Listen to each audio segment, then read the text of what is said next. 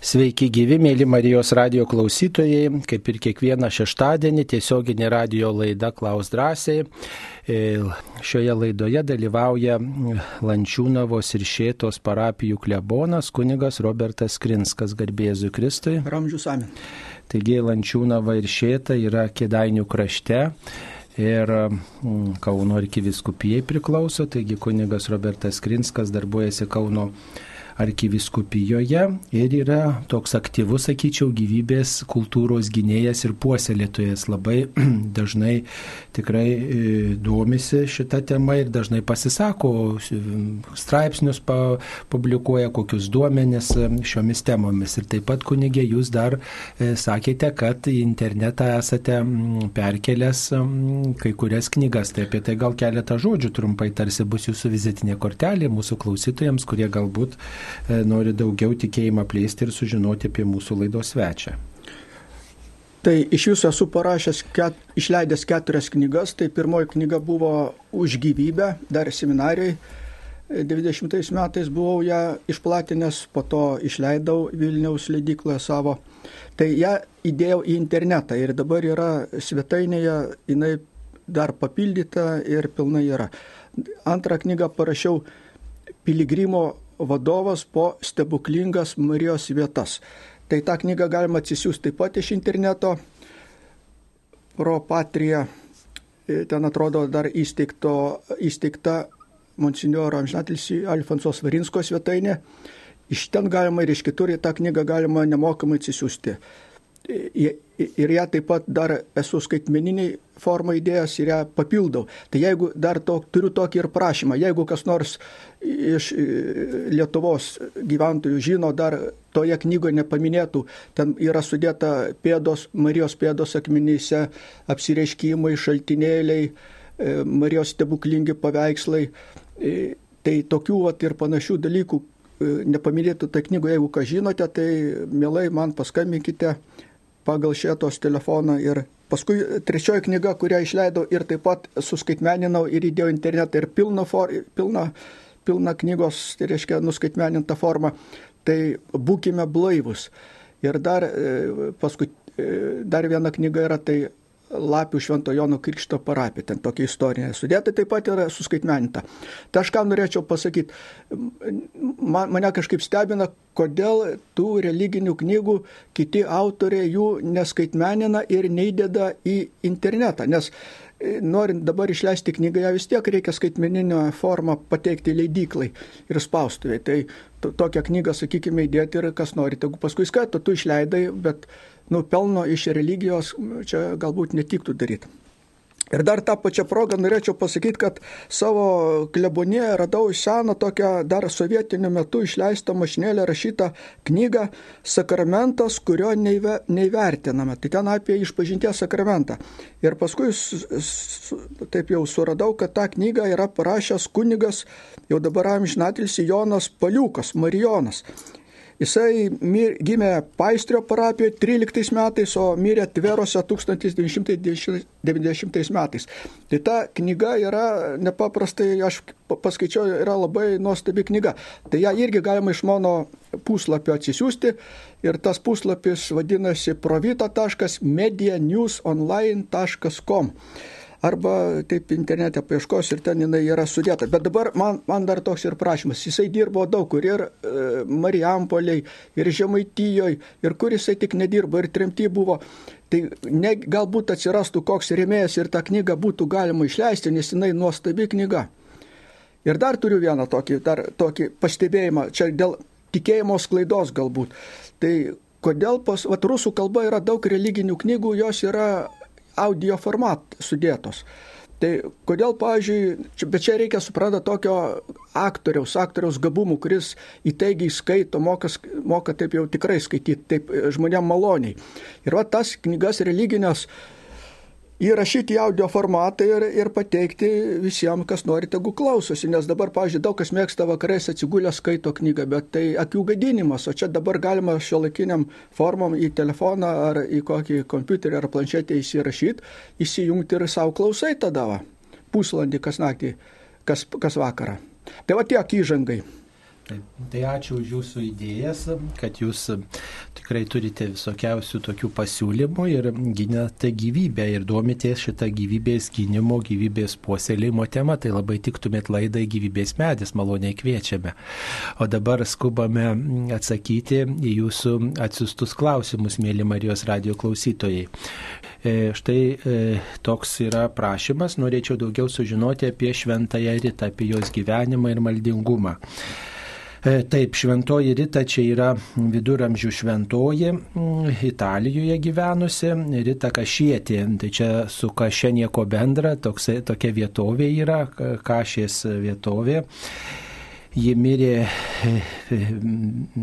1457 e, metais ir buvo ištekėjusi, turėjo vyrą ir Tas vyras buvo labai žiaurus, amoralus ir truputį ją skriaudė, e, e, gerokai galbūt skriaudė ir ji tiesiog visada norėjo būti vienuolė, bet kaž, dėl kažkokių priežasčių teko ištekėti ir tas vyras galiausiai žuvo e, mūšyje berots. Ir tiesiog norėjo netgi E, tie jo, turėjo vaikų, tie vaikai norėjo už tą vyrą atkeršyti, žodžiu, tiems, kurie nužudė, bet, e, bet motina įtikino to atsisakyti. Na ir galiausiai, kai jau vyras buvo miręs, jinai buvo našlė, jinai įstojo į vienuolyną, atrodo, Augustijonų vienuolyną ir moterų vienuolyną ir kągi gyveno tokiuose, reiškia, vargingose sąlygose, asketišk, asketiškumą praktikavo, kaip viduramžiais buvo įprasta, praktikavo pamaldumą į Jėzaus kančią ir netgi e, norėjo patirti bent šiek tiek to, ką išgyveno Jėzus ant kryžiaus. Ir pasakojama, kad turėjo tokį tokį, tokią patirtį mistinę, e, tiesiog patyrė, ką reiškia, kai erškėčių spiglys įsminga į kūną. Tai netgi ir paveiksluose vaizduojama galvoje tokia žaizda. E, jos paveiksluose. Tai, na, jie savo visus skausmus, išbandymus jungė su viešpaties kryžiumi ir e, laikoma tų žmonių, kurie pateko į beviltišką padėtį globėją kartu su šventuoju Judutadu.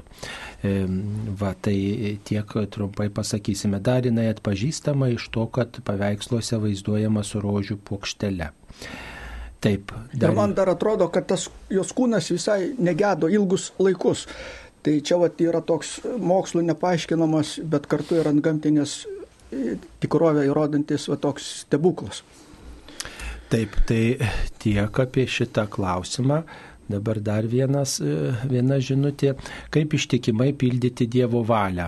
Kunigė, gal jūs pasakysit, kaip Dievo valią pildyti ir kaip Matau, kad ją pildyti reikėtų ją pirmą suvokti, kokiagi yra Dievo valia.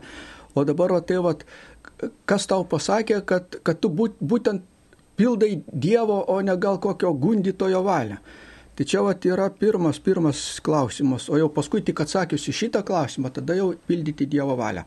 O Dievas, žinot, nereikalauja iš mūsų tokių ne, neįmanomų dalykų. Yra kas žmogiškai yra įmanoma, kas pajėgiama pagal jėgas, pagal sveikatą, pagal intelektą, galimybės, aplinkybės ir visą kitą tada reikia ir vykdyti, va taip. E, Taigi Dievo valią ištikimai pildyti, tai pirmiausiai savo įsipareigojimus turbūt esėti. Dievo valia tai yra kiekvieno žmogaus šventėjimas, panašumas į Kristų, šventumas, panašumas į Kristų. Kitaip sakant, tiek, kiek mes savo visokiuose e, pasirinkimuose stengiamės būti panašus į Jėzų Kristų, mūsų savo sąžiniai, savo viduje, tai tiek ir pildome viešpaties valią. Dabar dar yra toks klausimas apie pasiryžimus, kaip juos ištesėti, pavyzdžiui, po išpažinties ir kasdienybėje. Na, pirmiausia, man atrodo, nereikia užsiduoti tų pasiryžimų, tokių labai didelių pasiryžimų, kad jų būtų galima neišpildyti. O jeigu juos kokius tai įmanomus žmogiškus pasiryžimus ten padarai, nu tarkim, pasiryžimą E, dėl, už kiekvieną keiksmą, kuris įsprūs ten netyčia ar tyčia sukalbėti poterėlį. O tarkim, tai reikia tą pasiryžimą ir vykdyti. O, o jeigu Ir kaip, pavyzdžiui, vaikam patariamas, pirmiausiai sako, tu padaryk, e, padaryk sunkesnius namų darbus, kas sunkiau, o paskui palikas lengviau. Arba net iš, iš pradžių padaryk tas pamokas, kurios reikia padaryti, o tik paskui žaisk ten arba eik kitur. Taip, čia žinoma irgi pirmiausia, reikia tuos pasiryžimus padaryti, o paskui, o, o ne jos netidėlioti, nes tas atidėlioj, atidėliojimas, tai jis taip ir veda į, į, į tokį užmirš, ap, ap, užmiršimą, apsileidimą ir tingumą ir paskui va tokį jau dvasinį nu, nusmukimą. Taip, mums paskambino. Bronislava iš Pasvalio. Taip, Bronislava. Garbėjai za Kristus. Per amžius. E, aš norėjau paklausti ir aš padariau didelę nuodėmę kai mirė amžinatis mamytė, buvom labai pasimetę, čia labai staigiai. Ir jinai, jai buvo parvežęs anūkas iš Romos gražų rožantėlį. Ir šitą jinai buvo prašys uždėti, bet kai pasimetėm, taip ir visai uždėjom kitą. Ir padariau didelę nuotėpę. Nuodėmės jokios nepadarėte, kokia čia nuodė, jokios nuodėmės, čia tiesiog toksai pasimetimas, nu kągi melskite, svarbiausia yra malda, tas rožinės, žinot, yra tik tai toksai ženklas mums gyviesiems priminimas ir e, to žmogaus tam tikras pagerbimas, e, pagarbos parodimas. Mes tikim po mirtinių gyvenimų ir tikime, kad e, tai, kas žmogui buvo brangu, tai jisai, tai, ta, ta jam ir tos maldos ženklus jam ir įdedame tokia liaudės pamaldumo mokymo tradicija yra čia tokia, bažnyčios, su bažnyčios mokymu čia nieko bendra. Tai svarbiausiai bažnyčios mokymas sako, kad reikia melstis už mūsų mirusius. O rožantėlį, sakyčiau, laikykite atminčiai. Atminčiai čia mamos atminimas, va, na, taip norėjau, nesuspėjom, buvom pasimetę, bet mes melžiamės už savo mamą, prisimenam jos laidotuvių dieną, per vėlinės prisimenam ir kai mišiuose dalyvaujame ir kai melžiamės už mirusius amžinatilsi malda, tai ir, ir, ir, ir savo mamą prisimenam. Tai Tai čia svarbiausias dalykas, o ar ten įdėtas toks ružantėlis ar toks, tai čia didelio skirtumo nėra. Taip, nebent kunigė dar ką pridėsit. Nu, na, lyg tai klausė, ar sunki nuodėmė ar nesunki. Ne, tai... jokios nėra nu vis tiek prašymo, mirštančio žmogaus prašymo neišpildymas, aš tai sakyčiau, galbūt tai sunkios nuodėmės sąlygos yra aiškiai supratimas ir visa kita, tai čia tikrai nėra sunki nuodėmė, bet, bet galbūt tokia nedidelė nuodėmė tai yra. Nu tai matot, žmogus taip skrupulingumą įvarysite, ką jam dabar daryti, kaip ištaisyti tą nuodėmę. Nu, tai iš pažinties prieiti ir atleis. Ir atleis, ar ne? Na tai va, tai jeigu jums tikrai sąžinė kirba, iš pažinti pasisakykite, bet čia tikrai nesureikšminkite tokio dalyko, kreipkim dėmesį, ar mes melžiamės už savo artimuosius, ypač gyvus ir mirusius. Nu jo, geriau rožančius sukalbėti už. Va, už būtent mamą. tą rožantėlį turėkit ir sukalbėkit už savo mamą. Va, tikrai geras labai e, pasiūlymas mes e, tuo rožantėliu melstis už jūsų iškeliavusią mamą. Taigi, dabar dar turime tokių žinučių. Taip, meldžiuosi kartu su Marijos radiju gailestingumo vainikėlį. Noriu paklausti, ar man suteikiami visuotiniai atlaidai, meldžiuosi namuose.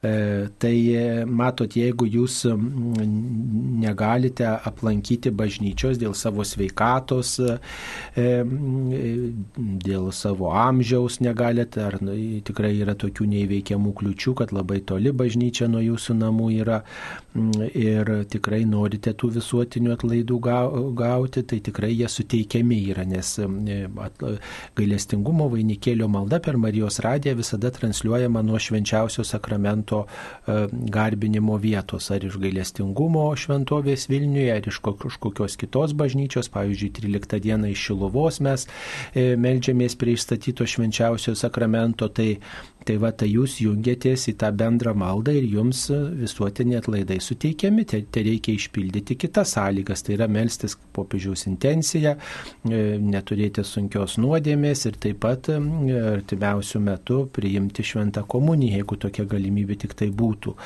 Tai tai tikrai jie suteikiami tie atlaidai, ypač tiems, kurie sunkiai serga ar, ar, ar, ar dėl sveikatos, ar dėl amžiaus negali aplankyti bažnyčios, kurioje yra saugomas švenčiausiasis sakramentas ir ten pasimelsti. Bet jeigu jūs galite dalyvauti tiesiog įveikdama visus sunkumus ir nu, nuvykti tiesiog tai tada tie visuotiniai atlaidai, nu jie, kaip sakyt, turi būti suteikiami tam žmogui, kuris gyvai dalyvauja toj maldoj, kuris yra toj bažnyčioj, koplyčioj, meldžiasi ir ne, nepasiduoda tokiai pagundai sėdėti namuose ir, reiškia, melstis tik tai per radiją. Čia yra Ypač tiems, kurie yra tikrai ligoniai sunkus ir bendrai visiems žmonėms teikiama malonė į maldą bendra jungtis, bet jeigu aš galiu nueiti ir melstis bažnyčioje prie švenčiausio sakramento, tai tą galimybę ir turėčiau pasinaudoti. Taigi visiems kitiems žmonėms tai būtų daliniai atlaidai, kurie gali dalyvauti ir melstis, va taip sakytume. E, taip, dabar dar mums paskambino. Stasys iš Vilniaus. Taip, klauskite. Noriu paklausti apie vyskupą Pranabūčį. Jis be kita ko mano giminaitis. Kiek žinau, jis buvo Vatikano radio laidų lietuvių kalba steigėjas redakcijos. Taip pat noriu paklausti apie vyskupus Lietuvos šiuo metu esančius vyskupas ir arkivyskupas. Ar vienoj vyskupijoje du arkivyskupai būtini reikalingi ar užtektų vieno. Ir kaip man atrodo, kad vyskupų Lietuvoje šiuo metu lyg ir per daug. Ačiū už atsakymą. Kaip atsakysit, ar per daug vyskupų, klausykite.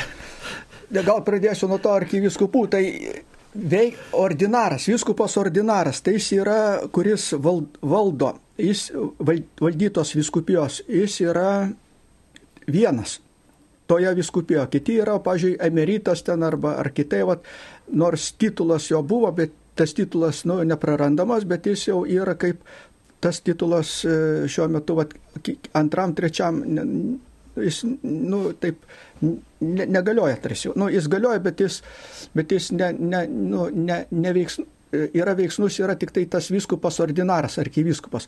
Tai Lietuvoje yra dvi arkiviskupijos, tai yra Vilniaus arkiviskupija ir Kauno arkiviskupija. Ir e, valdytojas tos viskupijos jis tampa ir kartu ir arkiviskupas. Va. Dabar ar per daug viskupų, ar ne per daug, nu tai čia žinot, čia popiežius turi spręsti, nes mes nežinome, tarkim, kokia sveikata to ar kito vyskupo, kokios, kokios ten pastoracinės e, galimybės, vat, arba reikalingi darbai. Tai čia, vat, žinot, nu, nu, iš aukščiau, kaip sakoma, geriau matosi. Mes žemai būdami galbūt sprendžiame tik tai, galbūt labai neteisingai, kaip ir, sakykime, pagal su, die, su Dievo sprendimais, galbūt kai kuriais įvykiais. Mes žmonės dažnai būna kaltina Dievą, kodėl taip atsitiko, kodėl jis nepadaro, kodėl jis ten galbūt leidžia tokius įvykius įvykti, bet Dievas mato ne tik dabartinį momentą, jisai mato, kas vėliau įsirutulios iš tų įvykių, iš tų poelgerių ir sakyta. Ir jis jo apvaizda dėl to, kaip, kaip pasakyta, net plaukas nuo galvos nenukris. E, tai mano, mano, mano manimu, čia vat, kad yra daug viskupų, tai reikia, reikia džiaugtis, kad jų yra. Nes aš atsimenu irgi tuos laikus, kai, kai buvo gal aplamai buvo du viskupai, tik tai kiti valdytojai valdė, vat, valdė didžiulius plotus, kai sutvirtinimo įdavo, tai didžiausi šventorė buvo tų vaikų ten kartą metuose ar kelis ten buvo tik tai teikiamos. Tai žinot, ir, ir viskupui didelis kurvis. O svarbu, žinot, čia svarbu ne bažnyčios, galbūt gyvavimui svarbu ne tik viskupai ar kunigai, bet svarbu yra kiekvieno iš mūsų šventumas. Vat kaip prieš tai buvo tas klausimas, kaip Jėzus sakė, būkite šventi, kaip mano dangiškas tėvas yra šventas. Tai kuo, kuo vienas šventasis gali ir kaip kaip apsaugo tėvas Pijus, ten iš Petrilnicos apsaugo nuo bombardavimo antro pasaulinio karo savo miestą. Ir šventieji labai daug gali padėti pas viešpatį. Todėl va, tikslas, man atrodo, turėtų būti kiekvieno siekti daugiau, daugiau to šventumo. Ir per tą šventumą gali padaryti labai daug patys.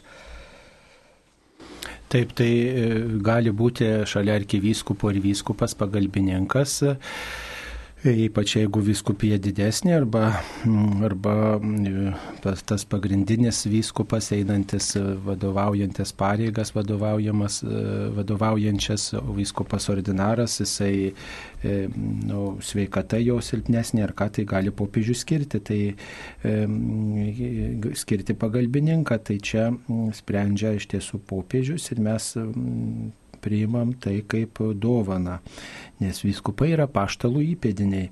Dabar apie vyskupą Būčį, kuris Pranciškus Petras Bučys, e, miręs 1951 metais Romoje. Jisai buvo ir Marijonas, ir taip pat Lietuvos, Lietuvių katalikų mokslo akademijos akademikas ir teologijos daktaras. Tai jeigu jūsų giminaitis yra, tai tikrai galite galbūt ir daugiau papasakoti. Tai jį turbūt Lietuva labiausiai pažįsta iš to, kad jis buvo bičiulis palaiminto Jurgio Matulaičio bičiulis buvo ir su juo susirašinėjo, bendravo ir palaikė e, tokius glaudžius ryšius ryšius. E, kilęs iš Suvalkyjos Pranciškus Bučys, jis e, mokėsi Seinų seminarijoje, taip pat Sankt Peterburgo dvasinėje akademijoje, studijavo Vokietijoje ir prisidėjo prie Lietuvių krikščionių demokratų sąjungos programos projekto E, darbavosi Amerikoje ir darbavosi vienuolyjose, prisidėjo prie kazimiriečių e, vienuolyno seserų palydėjimo. E, taip pat ir Lietuvoje dėstė universi Lietuvos universitete, buvo net universiteto rektorius vienu tarpu.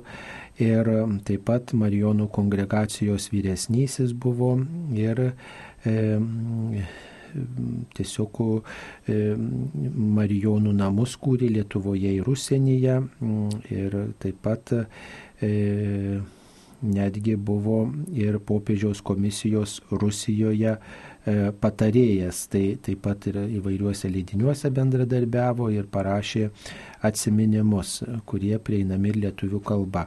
Taip pat iš tiesų jis prisidėjo prie to, kad ir Vatikano radijas lietuviškai būtų mm, būtų e, girdimas. Tai pačioj pradžioj paskatino kartu su kitais išeiviais lietuvių viskupais. Taip, mm, tai trumpai tiek. Dabar žiūrime, kokių žinučių dar mums atsiuntėte. E, taigi, Senajam testamente yra toks įsireiškimas persiplėšė drabužius, ką jisai reiškia. Ar teko kunigė girdėti ir kažkaip apie tai pagalvoti? O vyriausias kunigas, sakykime, ėmė ir persiplėšė drabužius, sako, e, sako Sinedriono susirinkime sako, štai ar girdėjote pikžodžiavimą, kad jis save laiko Dievo sunumi. Nu, tai čia toks, toks kraštutinis tarsi va, e, pasipiktinimo išraiško ženklas. Va, va. Bet va, kaip perplišo, persiplėšė savo drabužius, tai va, perplišo ir uždanga. Ir Senas testamentas va, tarsi ir pasibaigė su tuo perplišimu, ta uždanga. Va. O, o ką daugiau tai ir Nu, Senajame testamente tai dažnai tas būdavo kaip tam tikras skausmo atgailos ir ženklas, nu, tam tikra žmogaus emocinė reakcija. Dažniausiai tokiu būdu skausmas būdavo um, išreiškiamas, toks dvasinis skausmas, apmaudas, gailestis dėl nuodėmių, nes ir atgaila, atgaila reiškia, palydima būdavo tokio veiksmo drabužių persiplėšimo. Ir apie tai ir, ir Jonos knygoje rašoma, ir, ir, ir kitose, kad, reiškia, atgailaudami žmonės persiplėždavo drabužius. Tie drabužiai truputį kitokie buvo negu mūsų laikais, bet tiesiog tuose kraštuose toks, e, e, toks paprotys buvo. Ir kai sakoma, kad rauna, gal, rauna plaukus nuo galvos, pavyzdžiui, lietuvi gal labiau girdimas ir sako, nuo galvos plaukus raunasi, taip skausmą išgyvena tokį emocinį sukrėtimą. Tai rytų kraštuose tas drabužių plėšimas toksai buvo. Vat, tarsi, e, žinot, širdies, e, skaudančios, verkiančios širdies toksai išorinis parodimas, kad mano širdis plyšta pusiau, verkia mano širdis tiesiog iš skausmo plyšta. Irgi turbūt girdėtas posakis, kad mano širdis plyšta arba verkia iš skausmo. Tai tas drabužių plėšimas toks e, išorinis dalykas. Matot, dabar net ir psichologai atranda tokį dalyką, kad emocijas, kurias mes viduje išgyvenam, reikia išreikšti išverkti, išreikšti, išaukti, iš, iš, išverkti, išliūdėti. Jeigu, pavyzdžiui, net, netekom kažko ar ką, tai negali žmogus savo širdį užspausti, tuomet tikrai yra nu, pavojus visokiom lygom, tokiom psichologiniam susirgti, psichiniam lygom, ne, ir, o, o, tas emocijos turi būti išreikštos, emocijos išreikštos kažkokiu būdu ir, ir tai ir va senas paprotys, senovė žmonės tokiu būdu tą skausmą tokiu būdu išreikšdavo ir parodydavo savo ir kitiems ir galų galę Dievui, ką jie išgyvena savo širdį ir, ir, ir tokiu būdu na, va, žinia apie žmogų yra transliuojama kitiems ir kiti atitinkamai atitinkamai reaguoja. Mums paskambino. Bronislava. Tai Bronislava. Per amžius. Aš noriu paklausti, pas mum mišios bažnyčių būna 9 val. Mes susirinkam prieš mišęs, pakalbam gailestingumo vainikėlį, o paskui švenčiausios mergelės Marijos rožinį, o paskui mišios. Ar būtinai reikia, reikia kad tik 3 valandas gailestingumo vainikėlį kalbėti?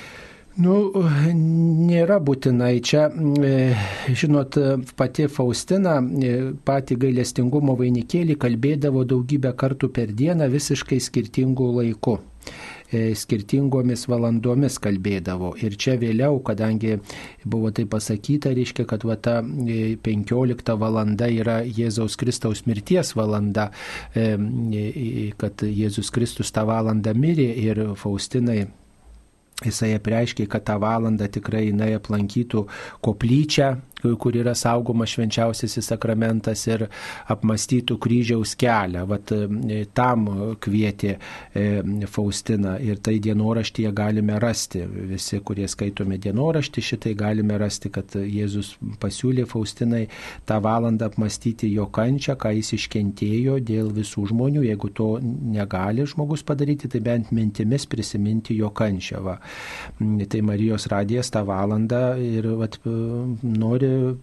prisiminti ir transliuoja kryžiaus kelio apmąstymus. O e, tokia jau, kai gailestingumo kultas išplito, reiškia ir primenama, kad tai yra Jėzaus gailestingumo valanda, na tai patogiausia tą vainikėlį sukalbėti ir tokiu būdu prisiminti Dievo parodytą gailestingumą visiems žmonėms tą valandą ir malda tokia trumpa pagerbti e, viešpati. Galima kalbėti ir kitomis valandomis. Ir taip pat, jeigu jūs kalbate bažnyčioje, va Lietuva Lietuvoje, Lietuvoje tokia galimybė yra Lietuvoje, jeigu kalbu bažnyčioje prie įstatyto arba tabernakulėje saugomo švenčiausių sakramentų ir išpildau kitas sąlygas, galiu gauti visuotinius atlaidus, bet kuriuo paros metu, būdamas, būdama bažnyčioje. Taip. E, Dabar dar viena žinutė, kur kreiptis norint priimti santoko sakramentą, jei abiejų antrosios pusės buvę sutuoktiniai yra gyvi. Jeigu santoka, pirmoji santoka buvo teisėta, teisinga ir be jokių tokių, sakykime, išlygų, kur galima užsikabinti, tai tada jau niekur nesikreipti. O, o jeigu, sakykime, ten buvo koks nors problemos, tai tada gal tada į bažnytinį teismą. Taip, į bažnytinį tribunolą, ten, kur į kuriją, kurijoje yra bažnytinis tribunolas, bažnytinis teismas, ten kreipkitės ir tiesiog visą jūsų situaciją ištyrinės ir išaiškins, e, žodžiu, ką, ką reikėtų daryti ką reikėtų daryti jūsų atveju. Taip, toliau žiūrime, ko mums čia atsiuntė. E, skelbimuose paminėta rydienos piligriminė kelionė iš Kauno į Šiluvą. Ar tiesa, kad tokia vyksta kiekvieno mėnesio 13 dieną, ar pastovus jos grafikas išvykimo laikai iš Kauno ir Šiluvos? E, taip, kiekvieno mėnesio 13 dieną Kauno piligrimų centras rengia tokias keliones iš Kauno į Šiluvą. Tikrai daugiau informacijos galima surasti e, paskambinus į piligrimų centrą arba parašius laišką jiems e, sužinoti galima. Taip iš Kauno kiekvieną 13 mėnesio dieną tokios piligriminės kelionės yra rengiamos. E, taip, žiūrim, ką čia mums dar atnešė klausytojai, kokių klausimų mums. E, mums taigi, žiūrime. Aha. Asveiki girdėjau, kad ant kapo naudoti tik šventintą žvakės, jų reikia dažnai, o šventina tik per grabnyčias. Tai ką daryti? Ne, šventina tos grabnyčios metus turbūt žvakės. Grabnyčių žvakės tik tai būna čia mirštančiam, tai panaudoja ar tai vat namuose, o kai bet kurią progą, bet, bet kuriuo metu kiekvienas kunigas, jeigu paprašyti ir pašventins. O skirtumas tarp šventintos ir nešventintos, tai čia tikrai yra, yra skirtumas. Vat, e, noriu papasakoti tokį, tokį atsitikimą. Aš buvau, atsimenu, Mikalojos bažnyčiau, Vilniaus Mikalojos bažnyčiai patarnautojų Ir ten va, buvo toks jau šiuo metu amžinatlis Mečyslavas, kartais irgi užeidavo. Ir, jis, ir ten va, e, koridoriukėje buvo žvakių lentynos. Vienas buvo tokios jau nešventintos, kitos buvo šventintos, o trečios buvo žmonių paukotos. Tai tas Mečyslavas jis ten nu, ir padėdavo, bet, bet tai va, toks pamaldus buvo Bet, bet, bet tai va kartais toks ir su tam tikrais keistumais. Ir jis paėmė vieną žvakę iš tos spintelės ten ir nusinešė namo savo, savo ten, ar į, į Rusiją, ar kur jis ten pasišviest. Ir, po, ir netrukus jis tą žvakę vėl atnešė ir papasakojo tokį atsitikimą. Sako, tą žvakę, reiškia, mirusysis kurio intencija buvo paukota ta žvakė, jam nedavė ramybės miegoti. Vat viso, jam ten e, sakė, kad tu tą žvakę neš, kad gal ir viskas, nes jinai buvo skirta uždegti ant altoriaus mirusio intenciją. Tai vad nors jis e, turėjo tokių, vat, sakykime, truputį, e, sakykime, tam tikrų lygos požymį, va, kaip žmogus, va, taip gal ne visai sveikas, bet, bet buvo vis tiek priverstas tą žvakę pavoktą žvakę atnešti atgal į bažnyčią ir palikti. Tai, tai vad matot, vis tiek žmonės, aš tai sakyčiau, geriau paukokite, ne prie kapo ten dėkit, nes ten, bet geriau paukokite bažnyčią ir ten per šventas mišes, kai bus auko, aukojamos mišios, bet kuriomis intencijomis, bet tos žvakės va, bus paukotos už jūsų mirusi, tai dalis mišių nuopelnų teks ir jūsų mirusiajam. Taip, tai o šiaip žvakes tai galite pašventinti bet kada, kada jūs norite, tik tai reikia paprašyti kunigo atsinešti žvakes į Zakristiją ir sakyti kunigė, noriu, kad e, žvakes pašventintumėte. Tai e, kunigas mielai tą padarys, yra specialios žvakių pašventinimo maldos, ne tik tai per grabnyčią žvakės yra šventinamos. Taip, mums paskambino. Juozas iš Kauno. Labą rytą. Labą rytą. Aš norėjau paklausti, kodėl yra persekiojimas taip tas kunigas Ratzingeris čia tokias neaiškias žinias e, pasakė, bet sunku suprasti. Ir sakykit, kodėl Uršula van der Leyen pavadino katalikų bažnyčią nusikalstamą. E, tai tos uršulos ir reikėtų klausti, kodėl jį tą pasakė, kodėl jį e, tai pavadino. O kad e, Ratzingeris, jis yra ne tik tai kunigas, bet ir kardinolas ir popiežius emeritas. Na tai tiesiog jam pateikiami tiesiog kaltinimai dėl jo veiklos, kad jis e, tiesiog tuo metu galbūt pražiūrėjo kai kurias bylas ar ten netinkamai vertino kai kurias kunigų bylas, tai kai kurios atvejus, tai tiesiog tokie svarstymai iškyla. Tai čia na, žinot, įvairios komisijos tą, tą ištirs ir tiesiog pasakys. Bet, žinot, kaip ir kiekvieno žmogaus gyvenime, kaip ir kiekvieno žmogaus darbė yra kažkokių e, tokių gal silpnesnių darbų, silpnesnių vietų, bet yra galbūt ir tokių gerų darbų atlikta ir tiesiog, e, na, tik vienas Dievas yra tas teisėjas, kuris iš tiesų gali žmogaus gyvenimą pasverti, o žmonės dažnai išgirdę kažko, kažkokį vieną kitą dalyką labai lengvai nuteisia žmogų ir nubraukia jo visu, visus darbus, matydami vieną kažkokį tariamai ar galimai buvusi dalyką ir jį vertina kaip pagrindinį viso to žmogaus gyvenimo tokį darbą ar, ar tokį nusikaltimą, ar ten netinkamą pasirinkimą. Tai... Dar žinot, pasakysiu, kad kad dabartinė, dabartinės žiniasklaidos reitingai yra nukritę žemiau asfalto lygio ir jų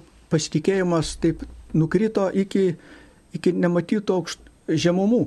Ir todėl va, taip pasitikėti, kiti net vadina jas tiesiog ne, ne informavimo priemonės, bet dezinformavimo priemonėmis. Todėl aklai jomis tikėti taip beveik visai nereikia ir net geriau jų neklausyti.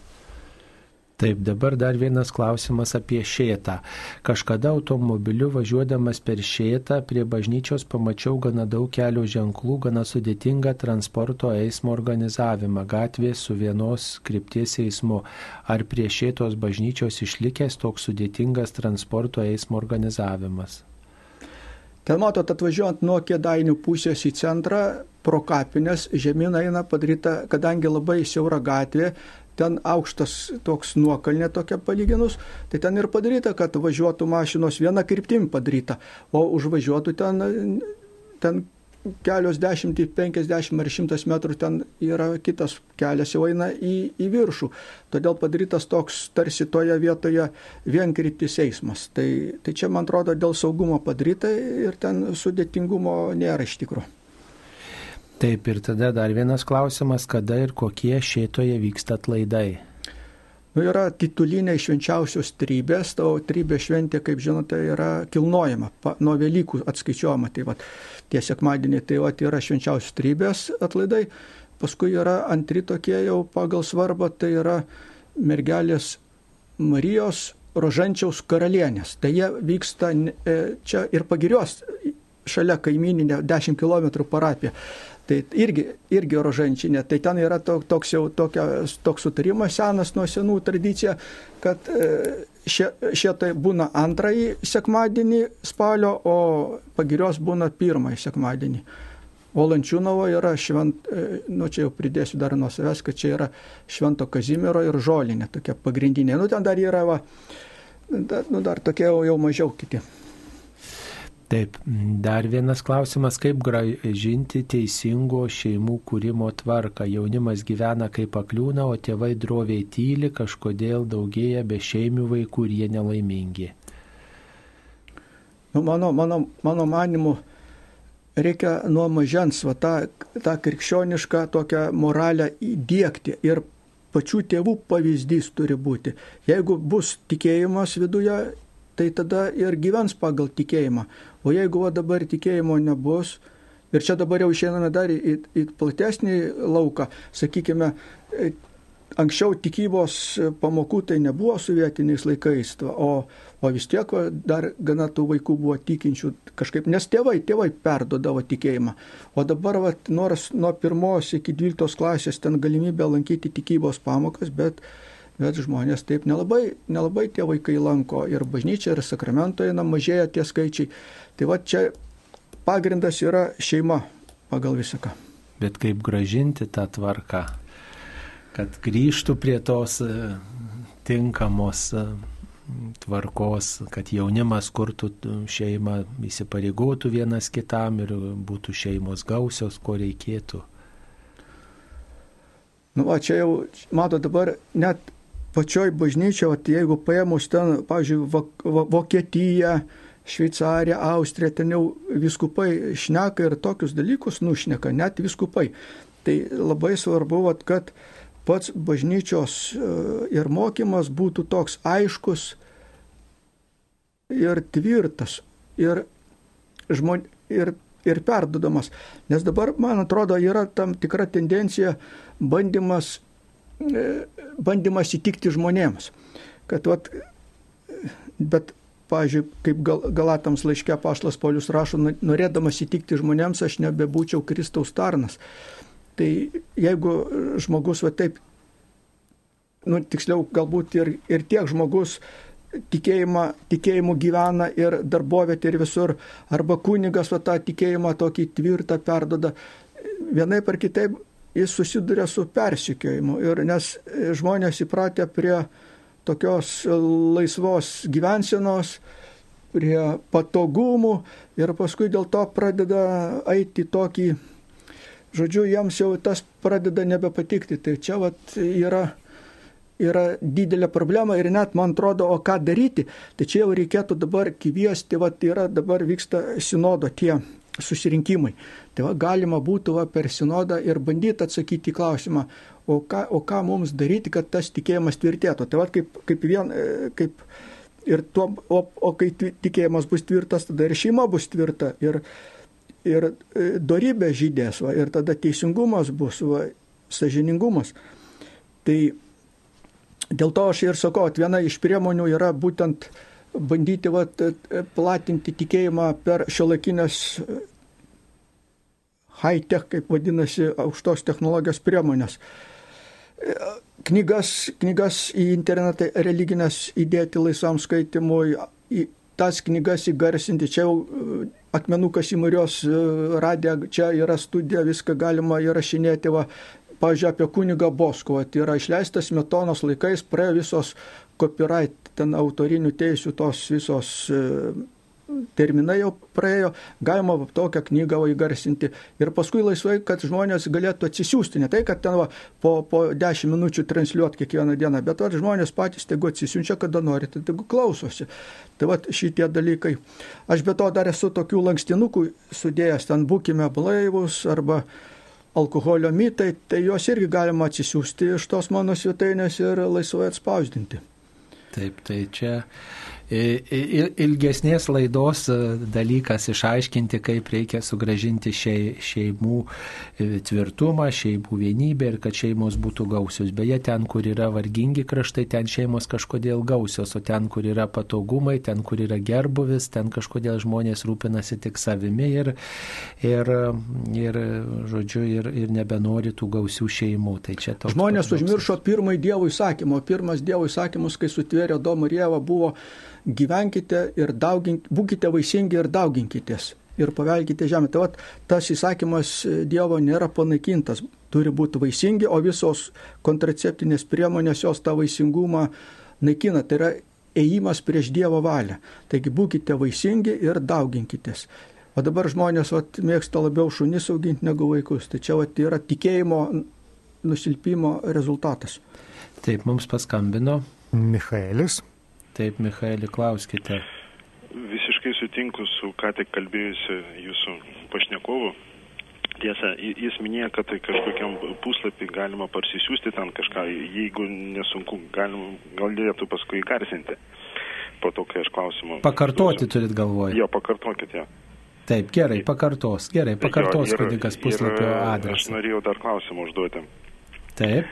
E, aš gal kažko nesuprantu, gal kažkur jau buvo tas nagrinėta e, pradžios knygoje, trečioj, e, trečiam skyriui 20 eilutė, ten yra parašyta, žmogus pavadina savo žmoną Jėvą, nes ji buvo visų gyvųjų motina. Paskui stebiu ketvirtas skyrius, pirmą eilutę, žmogus pažino savo žmoną Jėvą ir pradėjo ir pagimdė kainą.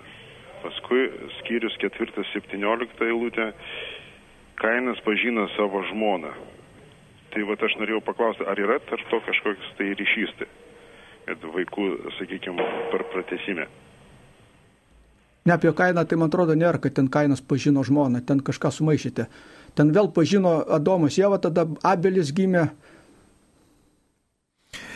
Taip, tai čia apie tą eilutę, kur kalbate, kad trečia eilutė, trečia, pradžios knygos trečias, trečios skyrius 20 eilutė, tai rašto komentatoriai mano, kad ji galbūt tikriausiai turėtų būti truputį kitoj vietoj. Tai čia tiesiog yra konstatavimas, kad Adomas ir Jėva yra viso, viso žmonijos protėviai, tuo, tuo norima pabrėžti. Va. Ir, ir tokiu būdu E, reiškia, ji ir vadinama gyvųjų motina. O čia rašoma toliau, kaip, kaip žmonija atsirado toliau, ar ne? Kainas, Abelis, tai čia tie e, žmonės, kurie, reiškia, tęsi žmonių giminę. Tai, e, tai tiek galėtume pasakyti apie, apie šitą ištrauką. Gerai. E, o tą priminsiu puslapį. Tai puslapį puslapis. Taip. Provita.com medianewsonline.com. Com rašosi.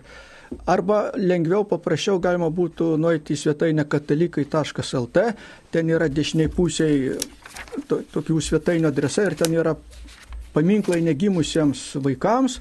Paspaudž, paspaudus tą negimusiems vaikams jūs pateksite į mano puslapį, o iš to puslapio galima nueiti į e, tą pagrindinį puslapį ir iš to puslapio ten kairiai pusiai žalia juostelė ir ten yra toks kaip turinys ir ten galima surasti.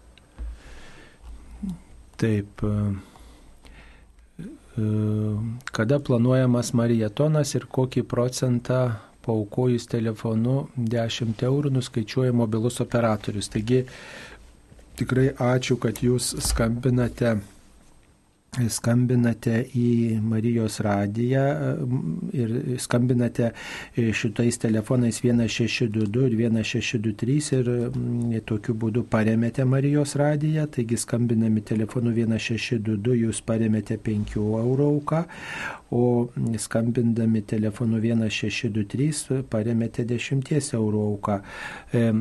Kokį procentą nuskaičiuoju dabar tiksliai nepasakysiu, bet manau, kad ten ke, ke, keliasdešimt centų nuskaičiuoja, e, žodžiu, e, tiesiog operatorius už administravimą šito e, šito mokesčio, šitos aukos administravimą. Tai tikrai galima naudoti šitą galimybę ir taip tokiu būdu paukoti. Aišku, jei norite, kad niekam kitam netitektų, o norite auką paremti Marijos radiją ir tiesiog ne jokio kitos įstaigos neišlaikyti, tai tada patogiausia atnešti į Marijos radijo būstinę Vilniuje ir Kaune ir tada jūsų auka yra užregistruojama ir, ir tikrai nei, nei, kaip sakoma, centus e, nenukrenta kažkokie kitai įstaigai.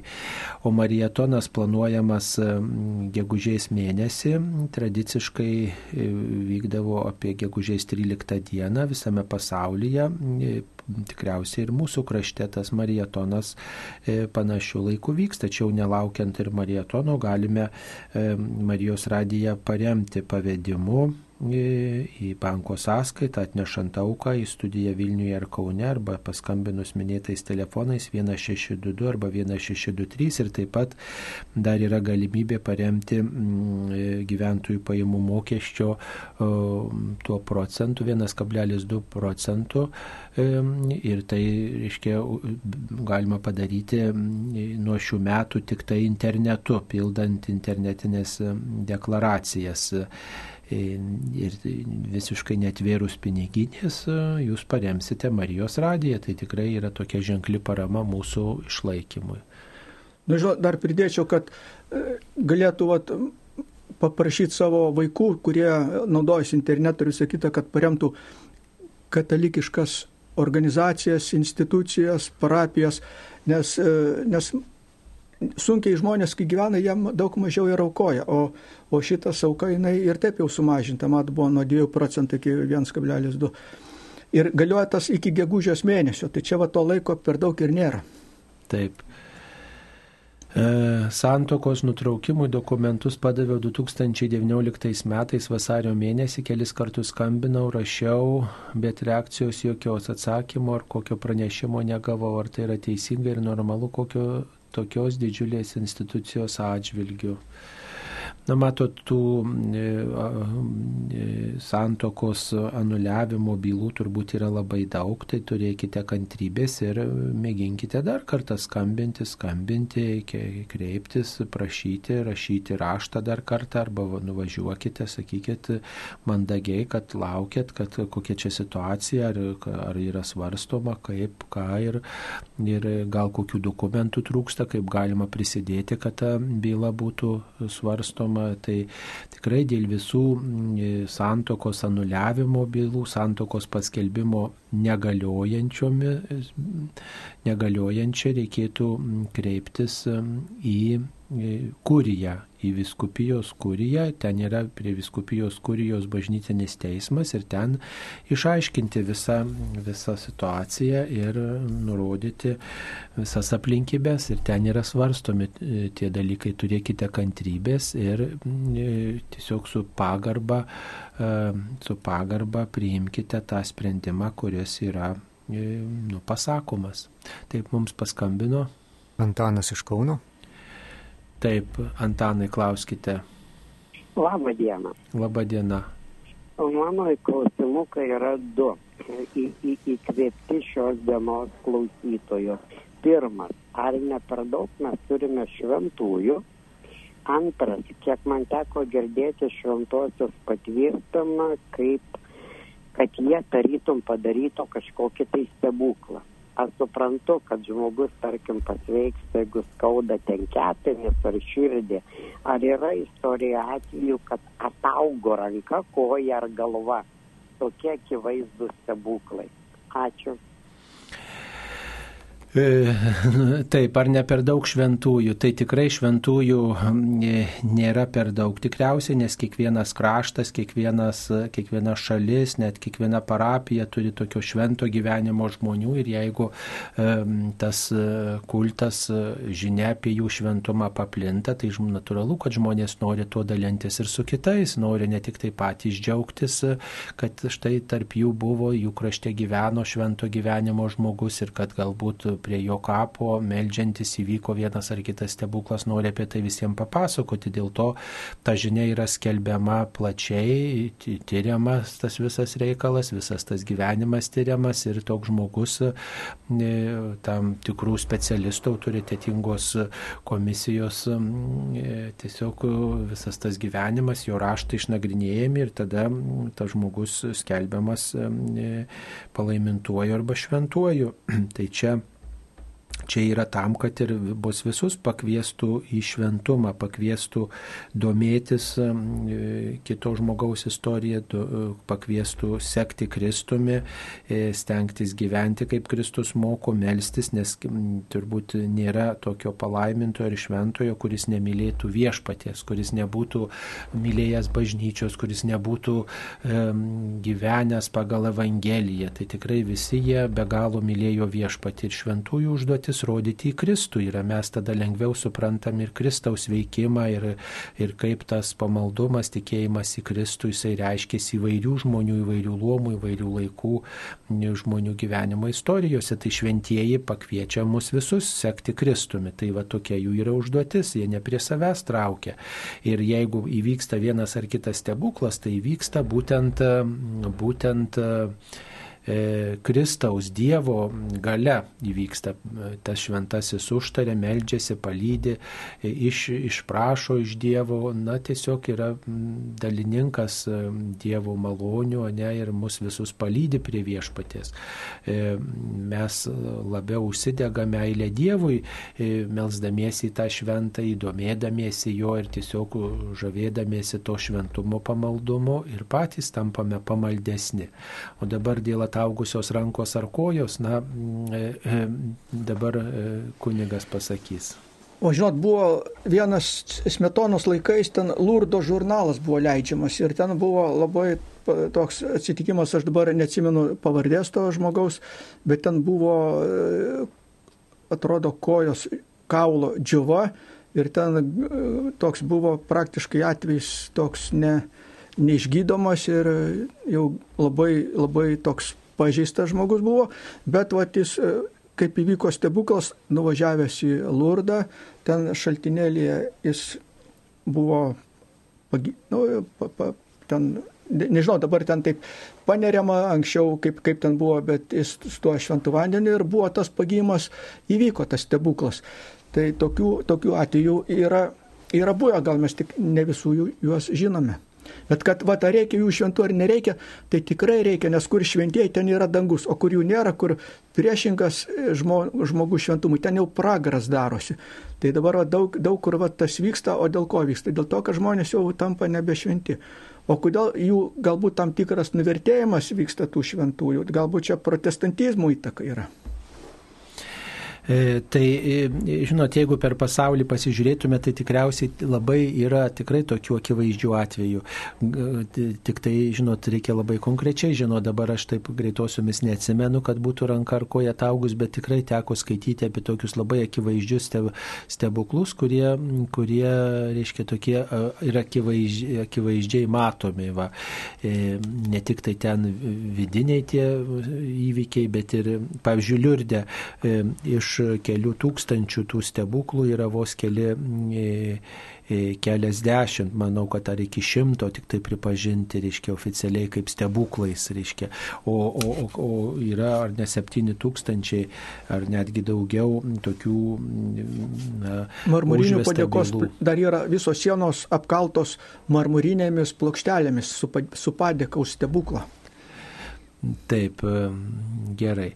Dabar dar viena žinutė, ar gali būti, jei žmogus niekada neveda, neišteka ir lieka vienišas tik dėl to, kad tokia Dievo valia ir melskis nesimeldęs nieko nepakeis. Ką apie tai pasakytume? Nu, kodėl, man atrodo, gali būti, o Dievo keliai nežinomi, nes jis galbūt mato, kas ateity būtų, kai, kur, kai kurios aš girdėjau ten, tarkim, panelė sako, iš vis aš nenoriu ten vesti, tai yra tikėti, nes, nes paskui mano visos draugės jau įsiskyrė, sakykime, o tik, tik susitokiau ir įsiskyrė. Tai, tai va čia yra, nu, Dievo planai, galim pasakyti, kaip, kaip jisai veda, mes amžinybėje sužinosim tą, ne, bet tas kelias yra optimaliausias žmogaus sielos išganimui. Čia va, tas rodiklis yra ne, ne ar mums dab, šiuo metu ir dabar, ar čia būtų, mes būtume laimingi, bet žiūri, kad žmogaus sielos, sielos išganimas geriausias kelias būtų. Taip, dar viena e, žinutė yra, sirgdama vėžių pažadėjau pastatyti kryžių kalno, kryžių, kryžių kalnę turbūt. E, aš pasveikau, o kryžiaus nepastačiau, ar galima vo tą kryžiuką padaryti vietoje pažadėtų, ar tai būtų didelė nuodėmė. O žinot, pasakysiu tokį atsitikimą, aš kai rinkau medžiagą savo tai knygai, apie, kur, pilig, kaip, kaip sakiau, pilgrimo vadovas po stebuklingas Marijos vietas, tai ten buvau nuvykęs į prie šaltinėlio ten prie Vilkaviškio yra tokia, nu, akim labai toks, va, ten buvo kunigas jau šiuo metu amžinatelis Lukošaitis, ten Alksnėnų šaltinėlis vadinasi. Tai, tai kunigas parodė man vieną laišką, tai ten viena moteris pažadėjo, ten atrodo buvo paskutiniais šeštadieniais, ten tokios pamaldos vykdavo. Ir jinai atvyko prie to šaltinėlio, paprašė Marijos, jinai ten buvo e, kažkokia irgi labai sunki lyga kad ir jinai pasižadėjo, kad kiekvieną, tą, kiekvieno mėnesio paskutinį šeštadienį atvyks prie to šaltinėlio. Ir jinai pasveiko. Ir kai pasveiko, tai jinai tada ir užmiršo savo tą pažadą, nu, žodžiu, samoningai užmiršo. Ir tada jai pasidarė dar blogiau. Tai jinai tada vat, at, at, atvežė tą laišką kunigui vat, ir tas kunigas ten pilna buvo votų tada prie ir vienas ir tame laiške jinai rašė, kad sako, Atleisk man, Marija, aš pažadėjau, bet to pažado neįvykdžiau. Tai čia galima suprantat jums pačiom ir nevažiuoti, jūs pažadėjote, bet jūs duokite pinigų kokiam anūkui arba kokiam ten e, pažįstamam, tegu, nu, nu, tegu padaro ir, ir nuveža ir pastato. Tai čia, vat, man atrodo, toks įvykdymas, tai čia įmanomas. Taip duotą pažadą vis dėlto reikėtų ištesėti, o jei ne, tai norite, kad būtumėt atleista nuo to pažado, tai reikėtų apie tai e, vis dėlto išpažinti pasakyti. Matot, su pažadais Dievui nereikėtų švaistytis. Matot, mes kartais tampam tokiais labai... E, lengvabūdžiais teisėjais. Reiškia, ai, tai čia padarysiu taip, padarysiu taip. Nor, nors, pavyzdžiui, kai buvo riesta, kai buvo sunku, tikrai prisiekiau, pažadėjau, nusprendžiau taip, Dieve padėk, Dieve padėk, o paskui jau, jau mes taip manome. Matot, žmogus iš puikybės, jis jau labai gerai žino, kaip, kaip, kaip ne tik tai kaip kiti turėtų daryti, bet kaip net ir Dievas turėtų daryti. Ir jisai pats lengvai sprendžia apie save, o vis dėlto reikėtų daugiau nuolankumo turėti ir to nuolankumo nuolankumo reikalauti pirmiausia iš savęs, e, o ne iš kito žmogaus. Tai vat apie tai pagalvokite ir jeigu jau pažadėjote Dievui, tai pasistengkite tą pažadą įgyvendinti, o jeigu neįmanoma, tai tada ieškoti būdų, kaip, kad kiti padėtų, arba tada prašyti, kad būtumėt nuo pažado atleista, bet jau tai kelti tokį sakramentinį lygmenį, išpažinti apie tai kalbėti. Mums paskambino. Albertas. Taip, Albertai, klauskite. Garbėjai Kristus. Per amžius. Aš čia džiaugiuosi Robertu. Mes kai, kai kada, aš čia toks jo buvau šoferis kažkada, Albertas, važinėdavom tai su Zaparažiečiu, tai su mm, Žiguliu paskiau į, po visas šventas vietas, gal prisimena Robertas. Tai prisimenu labai malonu. Ir ne tik vietas, bet ten ir po pilis, važiavom po ir į Latviją, ten Lietuvos didžioji kunigaikštystė, po tas pilis. Baltarusija visur. Džiaugiuosi tai... jūsų veiklumu, jau 15 metų stebi jūsų, kiek daug jūs padarot. Tai dabar klauskite, paklausti gal kažko turite, čia jūs visą Lietuvą girdite. Norėjau, norėjau paklausti, vat, šiaip arkikatedros didžiajam paveiksle, kas ten pavaizduota. Aš e, Čia nelabai... Stanislavas, šventas Vilniuje Stanislavas. turit galvoj, Vilniuje. Boleslavas Vilnius, nužudo, Vilnius. nužudo šventą vyskupą Stanislavą. Taip, mišių metu. Mišių metu Stanislavas nužudytas, e, kai jis aukojo šventasias mišes ir tas e, epizodas yra užfiksuotas. Stanislavas yra Lenkijos šventasis ir Vilniaus katedra turi taip pat e, didelę Stanislovo relikviją. Ir Vilniaus katedra yra Švento Stanislovo ir Švento Vladislovo arkikatedra bazilika. Taip, dar viena žinutė, ar einant iš pažinties atsiklaupus reikia persižegnoti, o baigus iš pažinti, kai nuodėm klausys laimina, ar kartu taip pat persižegnoti. Ir ne tik persižegnoti, bet paskui ateiti prie iš durelių pusės ir nusilenkti kunigui ir padėkoti, nes jūs gavote pačią didžiausią dovaną nuodėmę atleidimą.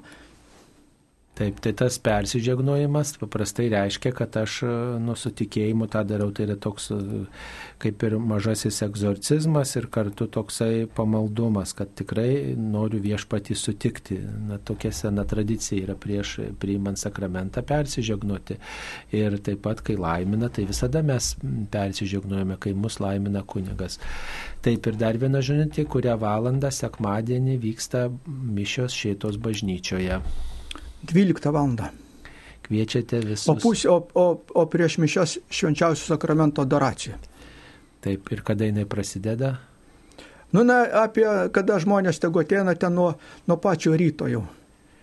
Nuo šešių ryto. Nu, nuo devinių maždaug. Nuo devynių. Bet, bet mes taip jau, paprastai ten žmonių nedaug, tai jau žmonės taip nuo, nuo vienuolikos jau taip. Taip. Gerai, kaip manote, ar nereikėtų dar kartą Rusiją paukoti, kad atsiverstų ir ar matome ženklų, kad Marijos širdis triumfuoja? Man atrodo, Rusija jau paukota ir, nu, nors žinoma, su tuo paukojimu ten ar, ar tikrai įvykdytas Marijos prašymas ar ne, tai ten Liucija kalbėjo vienu metu vienai, paskui jinai kalbėjo jau kitaip, ten tai tarsi, bet žinot, iš dangaus, čia buvo prašymas iš dangaus, Marijos tas duotas, tai dabar reikia laukti iš, iš dangaus to ir ženklo, ar, ar, ar dar reikia ar nereikia, čia ne, ne. O, o pati Lietuva tai jau daug kartų, labai daug kartų buvo paukota. Gerai, vyras susirgo prostatos vėžiu, operavo, jis niekada neįdavo į bažnyčią, sakė, Dievu tikiu, kunigais ne, po operacijos nuėjo ir meldėsi ir iki šiol keli, keliari metai visi tyrimai geri, tai stebuklai vyksta. Na, dėkui Dievui, kad vat, paliūdėt apie stebuklus ir šiais laikais.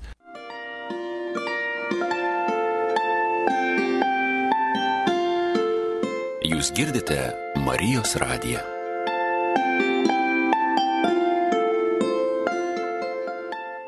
Tęsėme laidą Klaus drąsiai. Šioje laidoje dalyvauja Lančiūnavos ir Šėtos parapijų klebonas kunigas Robertas Krinskas.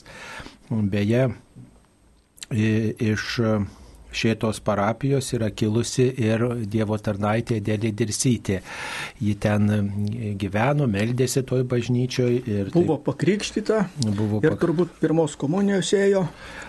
Taip ir ji parašė knygą Maldaknygė. Maldaknygė, kuri yra turbūt be ne labiausiai verčiama lietuviška knyga į visas pasaulio kalbas. Taip, ir dar vienas klausimas yra mm, apie mm, Šėtos, Aristavos ir Šlikių apylinkės. Ten yra daug vandenų, gal tose apylinkėse yra toks e, šventas šaltinėlis, ar Lančiūnavos parapijoje, ar Šitos parapijoje. Teko girdėti? Ne, apie, apie šventus šaltinėlius ten nieko neteko girdėti. Jeigu žinote, tai galbūt smulkiau pasakykite, o ten tikrai yra net prie kaplių ten, ar kaplių dabar aš čia net ir nežinau, kaip teisingai ištart, ten yra žuvininkystės ūkis, mailių parduodavo anksčiau, dabar nežinau, kaip ten gal dar yra, karpius augindavo. Tai to, tokios tos ten tikrai daug, daug ten žemumoje, net va dabar pat, pat, patvino šitą obelės upė, tai ten net e, klebonė prie potupelio, aš net įdėjau internetą filmuką vakar, galima parašyti YouTube, o šitą potvinis ir ten va, pamatysite, ta, ta patvino, ten buvo platumas kokie 2-3 metrai to upeliuko, o patvino iki kokių ten, nežinau, gal kaip nerės upė pasidarė tokio platumo. Tai Kedainių kraštas yra žemumoje ir pagal visas tas atšilimo prognozijas, jeigu atšils orai, tai ten gali būti apsemta viskas. Jeigu pakils vandenino lygis, o tą prasme, tai dėl to čia tokio žemumoje mes gyvename. Tai parapija jūsų pavojuje. Nu, kol kas, kol kas dar ne, bet vat, jeigu kils vandenino lygis, ledai tirps, tai tada jau čia gali būti jau po vandeniu. Taip, dabar dar vienas klausimas yra apie mormonus. Gal galėtumėte daugiau papasakoti, ar teko girdėti apie tokią mm, bendruomenę? Nu, man tai teko, kai Kaune buvau, tai jie, jie atvykdavo, atvykdavo po du dažnai tokia ir, ir stengdavosi taip savo tą paštalavimą vykdyti, bet paskutiniu metu, kai žinau dabar apie virš 20 metų, jau, jau, jau beveik 30 metų kitose parapijose, tai paprasčiausiai visai neaktualu man pasidarė, tai aš dabar apie tuos mormonus ten jau taip, jų bažnyčia mačiau Vašingtonė labai graži buvo tokia pastatyta ten kaip gulbė, tokia vat, jie įkurti yra XIX amžiuje, 1830 metais, jų įkūrėjas Josefas Smithas e, su kitais ten bendraminčiais ir mm, jisai teigia, kad mm, jam jam, žodžiu, apsireiškė e, Jėzus Kristus ir, ir pasakė, kad maždaug iki to laiko, nuo paštalų laikų buvo iškraipytas tikėjimas, o štai jis štai žino, kaip iš tiesų tas tikėjimas turėtų būti puoselėjamas ir, ir, ir skelbiamas. Dėl to jis gavo tokį įkvėpimą parašyti mormonų knygą ir, na, ta knyga mormonų bendruomenė vadovaujasi. Na, iš tiesų daugelį dalykų jie truputį truputį kitaip e, praktikuoja ir išpažįsta kaip, e, kaip mes krikščionis. E, jie truputį kitaip skaito ir Bibliją, žodžiu, jie sako, kad Dievas nebuvo dievų kažkada, žodžiu, iki to prieaugo, kad yra daugybė dievų kalba ir taip pat jų, jų tikėjime kažkada buvo praktikuojama daug patystė, kuri berots dabar yra jau ir atšaukta. Taigi, tai Net dar atrodo jų tos valstijoje, ten Amerikoje. Taip, tai jų yra ten centras ir, ir, ir ten jų yra tas pagrindinė būstinė. Taigi jie nedalyvauja net ir ekumeniniam judėjime už visų krikščionių vienybę, taigi yra truputėlį toks, sakyčiau, iškreiptas krikščioniškas judėjimas. E, nu, truputį nu, kitaip traktuojantis, reiškia, šventai raštą daug skirtingiau net negu E, negu kad šventai raštą traktuoja, pavyzdžiui, protestantai. Taip, ką galėtumėte pasakyti apie Bronislavą? Taip, Bronislava yra Lenkijoje gyvenusi šventovė, e, šventoji, kuri buvo vienuolė, mirė 1259 metais, buvo vienuolė Norbertietė. Ir apmastė, kaip ir įprasta, e, viduramžiais e, Kristaus kančią, labai gilinosi Kristaus kančią ir tą pamaldumą puoselėjo, taigi galite prašyti jos užtarimo savo įvairiuose reikaluose. E, Na, dažnai pasitaikantis klausimas, ką reiškia piknaudžiavimas šventai dvasiai, už ką nebus atleista. Tai kunigė, ar jūs dažnai susidurėt su tuo klausimu, ką reiškia nuodėmė prie šventąją dvasę, pikdžodžiavimas prie šventąją dvasę. Nu, yra iš viso septynios nuodėmės prieš šventą dvasę, tai visos jos yra netleidžiamos. Tai va, e, e, dabar va, pikžodžiavimas prieš šventą dvasę, tai čia toks aiškus, samoningas tiesos atmetimas, va, kai, kai Dievo yra kam nors va, pasakyta, bet tai, kaip Jėzus ir pasakė, e, visos žmonių nuodėmės bus atleistos, bet e, va, pikžodžiavimas prieš šventą dvasę nebus atleistas. Tačiau toks samoningas, aiškiai žinant, kad tai tiesa ir jos vis tiek atmetimas, tai va ir yra ta nuodėmė prieš šventą dvasę. Taip, dabar dar vienas klausimas, a, ką jūs manote apie stebuklus, kurie vyksta merkinėje, čia turbūt piramidėje, e, ar iš Dievo, ar tai pagoniški piktojo triukai? Kokia jūsų nuomonė? Nu, be abejo, čia yra iš piktosios dvasios, nes e, tokiais cirkais e, Dievas neusima, kad ten piramidžių galios ar dar kas nors. Tai čia yra pir, pirmas Dievo įsakymas neturėk kitų dievų, tik mane vieną. Jeigu ten, ten gal prisidengiama Dievo vardu, bet iš tikrųjų ten jo, jo, jokio Dievo nėra ir kurie ten važiuoja, daro sunkę nuodėmę.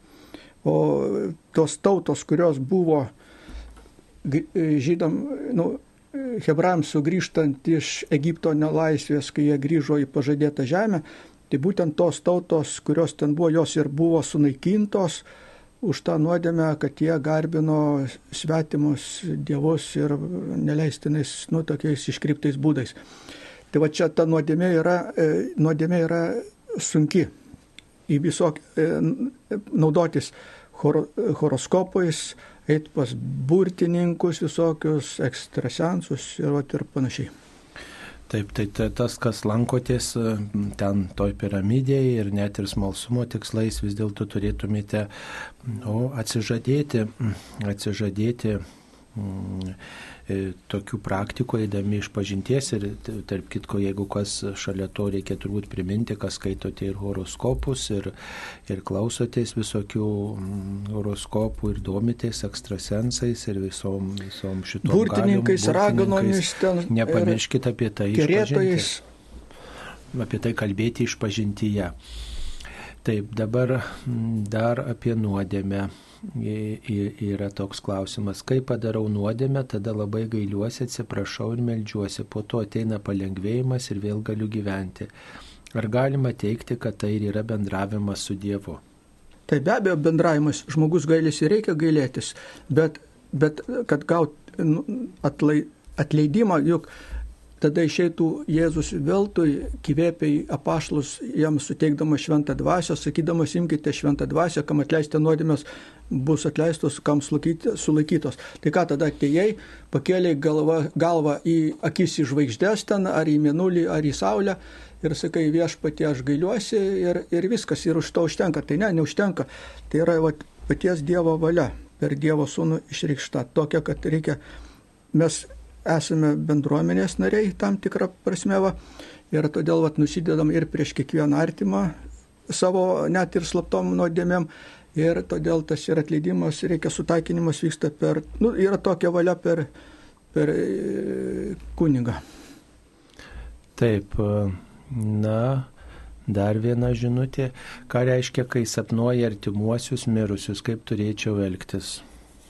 Nu, Reikėtų, reikėtų už juos pasimelsti, nes e, bažnyčia prieš tikėjimo sapnais, bet va, kai yra tam tikras va, toks e, mirusiųjų, gali būti, žinot, po e, po laidotuvių, po pergenių, po, po gal mišių lankymo, kokio kapūvo, gali būti tokie vat, galbūt natūraliai galima paaiškinti, bet jeigu va, toks sapnas pasikartoja, tai reiškia, galbūt čia yra Dievo ženklas, kad prašo maldų ir už jį reikėtų pati efektyviausia malda yra šventos mišios, taip pat galima, vat, kaip sako, jeigu stiklinę kam duosi mano vardu nepraras užmokesčio, galima paukoti užmirusį gerus darbus, galima žvakutę uždegti užmirusį. Tai tokių būdų yra visokiausių, bet reikia maldoje prisiminti, reiškia. Nes dažnai būna, kad žmonės tokioj prašo varganoj būklėj sapnuojasi, o paskui po, po, ilgi, po kurio, ne kurio laiko, po tų maldų jau pasirodo sapne jau tokio gražių pavydalų padėkoja va taip. Tai tikrai melskitės, kai tik tai susapnuojate savo mirusius artimuosius. Dabar dar mm, viena žinutė vykdavo apsimarinimus, ar iš tikrųjų juos vykdant tampama šventu žmogumu, ar reikia dar, dar ką nors daryti, kad būtų galima tapti šventu, ar vykdant apsimarinimus galiu dalyvauti renginiuose, kuriuose groja muzika, dėl kokios priežasties pas mane prasidėjo apsireiškimai.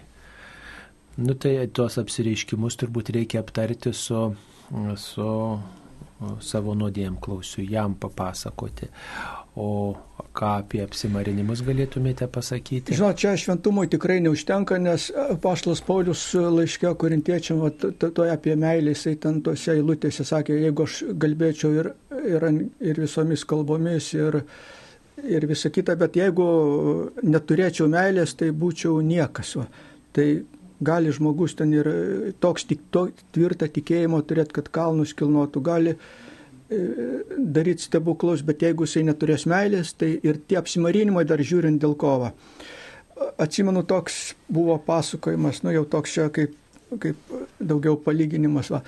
Nu, žodžiu, Dievo teismas štai vyksta ir, ir kiekvienas nešasi savo gerus darbus. Ir pagal tai ten angelas stovi su svarstyklėmis ir ten va, tuos, ta, tuos maišiukus dedant svarstyklių ir jeigu geri darbai ten e, yra, kurie nusveria, jie sunkesni, tai tada priima į dangų, o jeigu blogesni, tai tada juos jau dar nepriima. Ir mato visi ten viena moteris neša tokį didžiulį, didžiulį maišą, vos vos į pavilką. Ir visi galvojo, jinai tiesiai čia eina į dangų, eis į dangų.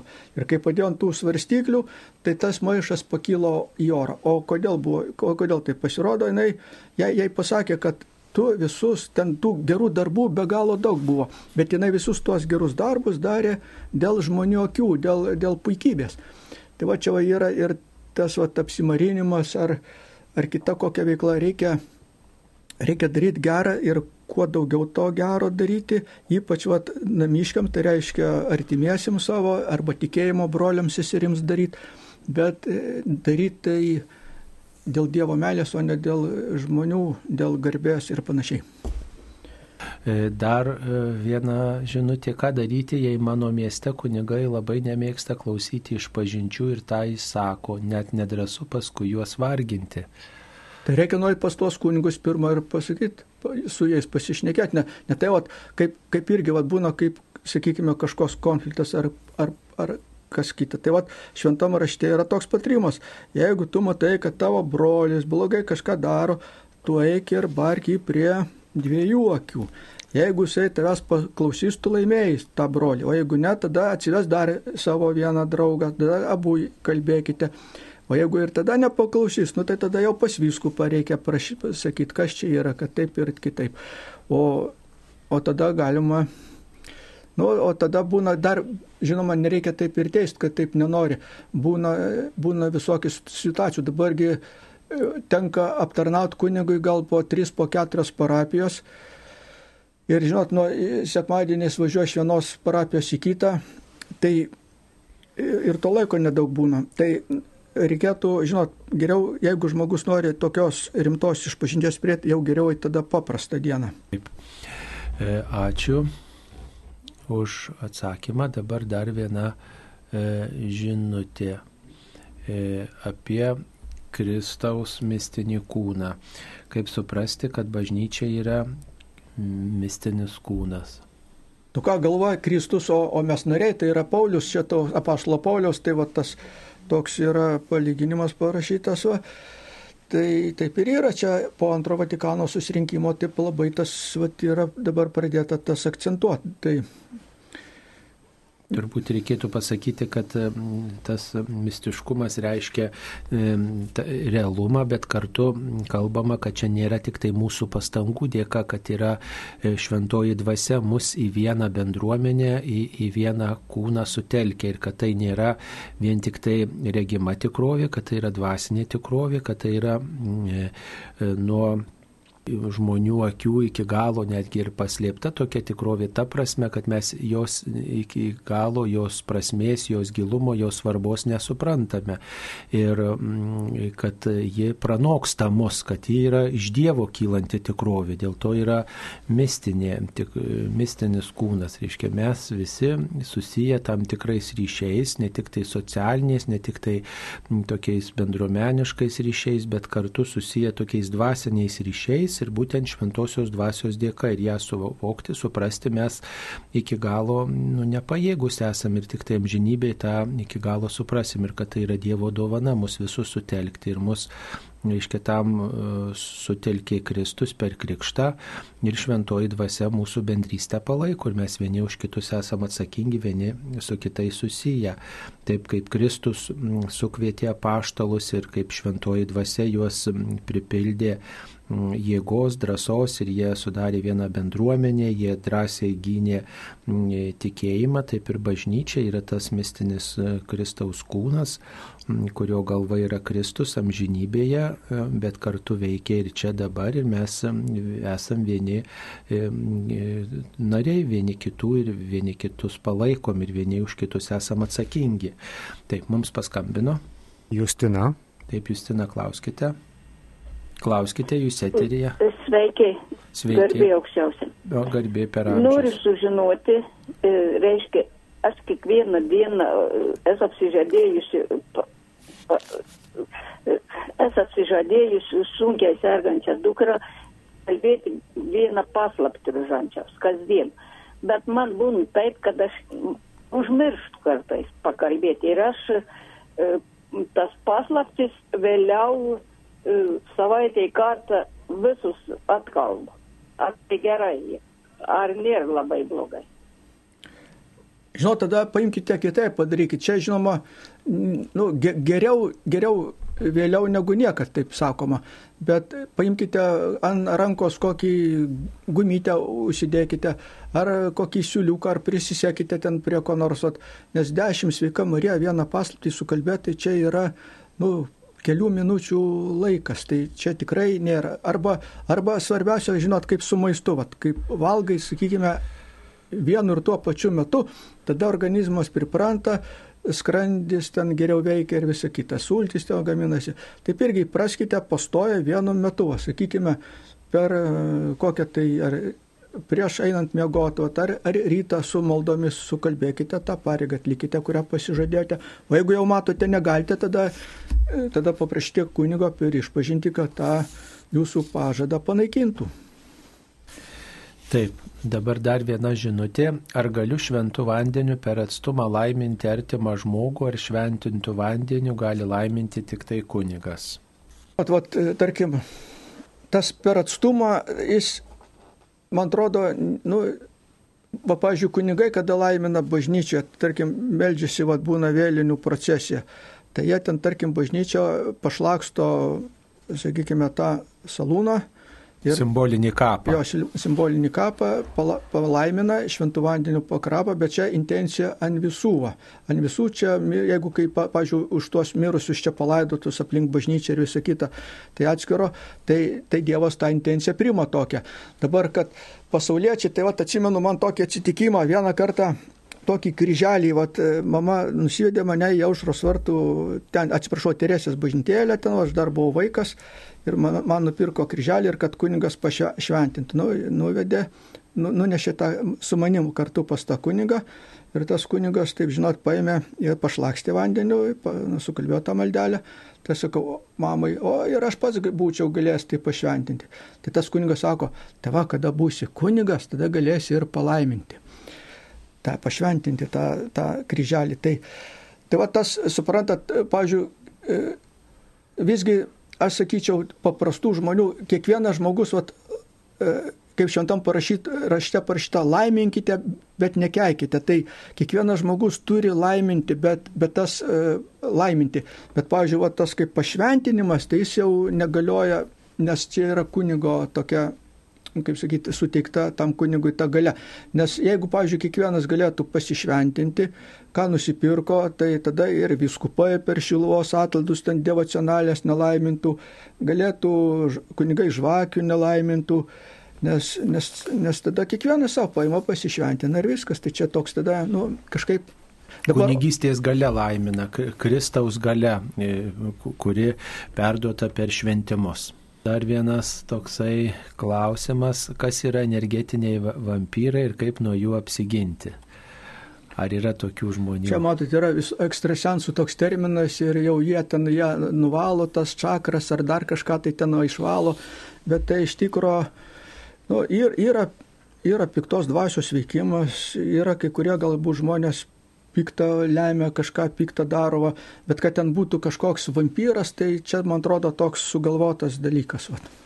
Iš tiesų tai geriausia apsiginti yra malda malda, sakramentų šventimu, jeigu mes kiekvieną dieną melžiamės, jeigu mes patys saugomės nuodėmės, tai nei vampyrai, nei, nei, nei, nei kokie vaiduokliai, nei dar kažkas jums ne, jūsų nenuskriaus. Jeigu jūs tikrai e, linkėsit gerą kitiems, e, švesit sakramentus ir neįsileisit patys bet kokios piktosios dvasios įtakos. Tai va apie tai pagalvokite apie savo krikščioniško gyvenimo stiprinimą, apie tai, kiek mes e, nuodėmė įsileidžiam įsileidžiam puikybę, įsileidžiam, kiek mes įsileidžiam tą abejingumą, paviršutiniškumą, kaip dažnai einat iš pažinties, su kokia nuostata meldžiatės, kaip dalyvaujat mišiuose, kiek skaito švento rašto, kokia yra jūsų malda, kokia yra jūsų išpažintis, kur galite tobulinti savo dvasinį gyvenimą. Tai geriausia apsauga yra nuo visokios piktosios dvasios įtakos. Mums paskambino.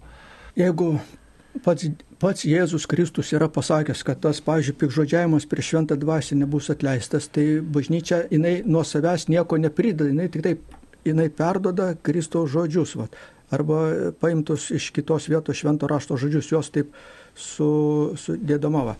Tai atleidžia visos nuodėmės, jeigu žmogus nori atleisti, va, jeigu žmogus pats nenori savo dovanotos, nu, nenori prašyti atleidimo Nes, vat, pavyzdžiui, kad e, gauti atleidimą yra tos geros išpažinties sąlygos, tai nuodėmės visas prisiminti. Ir va čia, va, kaip buvau minėjęs šito kunigo e, Jono Paliuko knygą, tai jis ten toje knygoje rašo, kad didžioji dauguma žmonių, gal 90 procentų blogai eina iš pažinties. Tai va čia nereikia dar taip formaliai atsainiai eiti iš pažinties. Tai va pirma sąlyga, kad geros iš pažinties nuodėmės, tai nuodėmės prisiminti, paskui antra sąlyga už nuodėmės gailėtis, trečia sąlyga pasiryšti, daugiau nebenusidėti, paskui išpažinti nuodėmės, atsilyginti ir taisytis. Tai va jeigu tų sąlygų mes nepildome, tada Tada, o jeigu žmogus, kad nenori nenori eiti iš pažinties, dabar nepaslaptis, vat, galima pasižiūrėti, jeigu anksčiau bažnyčiose dar smetonos laikais buvo didžiulės eilės, ten žmonės po po kunigai laukdavo iš pažinčių, ten sėdėdavo klausyklose ten ištisas dienas, tai dabar ar per ataldus ten, va, kiek klausyklų didelėse bažnyčiose ten būdavo. Dabar va, vienas kunigėlis ateina ten per 10 minučių išklauso. Arba iš vis neina žmonės, o prie komunijos didžiausios eilės. Tai va, liūdė, kad žmonės e, iš pažinties kažkaip nevertina ir, ir neina iš pažinties. Tai kaip Dievas atleis, jeigu jisai suteikė atleidimo galę, suteikė sakramentą, o žmogus atmeta. Tai va, samoningas, arba, va, pavyzdžiui, ligonėm kviečia kunigą, va, kad ateitų, patepimą suteiktų, kad iš pažinties per to žmogus nenori. Sako, aš man nereikia to kunigo. Aš netikiu kunigais, aš va tik tai Dievu tikiu. Nu, tai jis jeigu atmeta, tai tada jau, tada jau me, a, niekas neteigia, net ant judo neteigia, kad jis pasmerktas. Bet priklausomai nuo, nuo situacijos, taip iš, eina link to, kad tai žmogus atmeta Dievo malonę, o kai atmeta, tai nes Dievas davė žmogui laisvą valią. Pats žmogus gali spręsti, ką, ką nori. Taip, mums paskambino. Stefanija negirdėjo prieš tai, tai galbūt dabar pasisveikinsime, klausom jūsų. Garbėsiu Kristus. Per amžius. Stefanija Šiaulių norėjau, turiu turėjau tokį, nu, ganytojo tokį pa, pa, pasiūlymą, kaip čia pa, pažadą. Kalbėti e, tris metus po dvi tėvamus visai, man dvi garbėtėjau, tai už tris metus. Nu, ir kalbėjau, kalbėjau tris metus, dabar žiūriu, kai jau 20, gal 5 metai, dabar, ką aš gavau ketą tavo pagalbos tą maldą, ar dabar galiu to nutraukti, kur jau tiek metų iškalbėjau, nebežinau, ar, ar galiu atsisakyti tos, ar, ar pasiliktum kitos. Tai be abejo galite, jums kaip, kaip jūs trim metam taip tarsi įsipareigojate. Tai jeigu trim metam, jūs dabar jau 20 metų praėjo, tai galite pakeisti maldas, tik tai pačios maldos nepleiskite, gal kitos, kitą maldą ar ki, ki, kiekį kitokį, bet, bet maldos tik nepleiskite to, tai jau, taigi sąlygos įvykdytos jau. Geriausia, kad jūs eidama iš pažinties, jūs tą pasakytumėt, kad jūsų sąžinė visiškai būtų rami. Matot, nuodėm klausys turi e, galę ateinančią nuo Kristaus, e, na, vat, mūsų pažadus, mūsų įsipareigojimus tokius, kuriuos mes davėm, reiškia, e, mums nuo jų atleisti arba patarti mums šitoj srity. Tai e, tikrai jūs įvardinkite, kad dabar štai vat, noriu nutraukti tas maldas, kurias kalbėjau, kuriomis įsipareigojau įsipareigoju, bet dabar melžiuosi tokiu būdu. Tai vad įsakysite ir jums tikrai tada sąžinės ramybė. E, sąžinės ramybę gausite dėl to, kad nekalbate maldų, kurias kalbėjote daugybę metų. Taip, dar turime e, klausimą, kuris mums atsiustas. E, E, žinutę. Ar galima laiminti per atstumą peržegnojimu į, tą, į kitą pusę savo artimuosius? Aš... Taip, reikia, net ir tėvai turi vaikus, tėv, savo vaikus laiminti ir prieš kelionę, ir prieš kitais išvykas visokias. Taip, gerai. Ar linkėti gerą tiems, iš kurių pavoktas supratimas? Nu, čia nelabai sklandi žinutė. Mėlyjei klausytojai, stenkitės rašyti kaip įmanoma sklandesnę žinutę, nes mes tiesiai į eterį, kai pradedam skaityti, tai kartais neaišku, kas norima pasakyti. E, taip, dabar žiūrime dar, kas mums atsiusta. O jei namuose turime šventinto vandens, ką su juo daryti, tik laikyti ar prieš maldą pačiam su juo persižegnoti. Tai be abejo, prieš maldą galima persižegnoti e, ir e, nu, galima ir kitus apšlakstyti tuo švestų vandeniu, bet skirkite, kur kunigo palaiminimas ir skirkite, kur krikščionio palaiminimas, nes krik, e, krikščionis dalyvauja visuotiniai kunigystėje per krikštą, o kunigas ne tik per krikštą, bet jis turi ir kunigystės sakramentą. Tai yra malda ir rankų uždėjimu ateinanti gale nuo Kristaus laikų, reiškia jis, kur veikia kur veikia pats, e, kur kunigas veikia, kur kunigas laimina, tai laimina pats Kristus. Jeigu taip vaizdžiai pasakant, ten yra Kristaus tirštumas, ten, kur yra krikščionis, yra irgi Kristus, ką padaryt vienam iš mažiausių, man padarėte, kur du ar trys susirenka mano vardu, ten ir aš esu, bet e, mes dalyvaujame toje paštalų tarnystėje, toje pasiuntinybėje, kurią, na, vad, Kristus paliko mums ir tiesiog, jeigu taip pasakyti vaizdžiai, populiariai, visai primityviai, tai ten tirščiau Kristaus, ten yra didesnis Dievo artumas, ten, kur e, kunigo palaiminimas, jeigu taip e, nu, įvardinti. Mums paskambino. Danutė iš Radviliškio. Taip, Danutė, klauskite. Garbėsiu Kristui. Per amžius. Aš noriu paklausti. Pavyzdžiui, aš esu močiutė ar aš turiu teisę, ar, ar man galima laiminti vaikus, anūkus, net ir proanūkus aš turiu. Aš laiminu, bet ar gal ne, negalima šitaip. Galima, galima, tik pasakė, kad krikščionis gali laiminti, e, visuotinės kunigystės dalininkas yra ir jisai gali laiminti, bet supraskite, kad va, ką tik paaiškinom, kad kunigas laimina, tai laimina pats Kristus.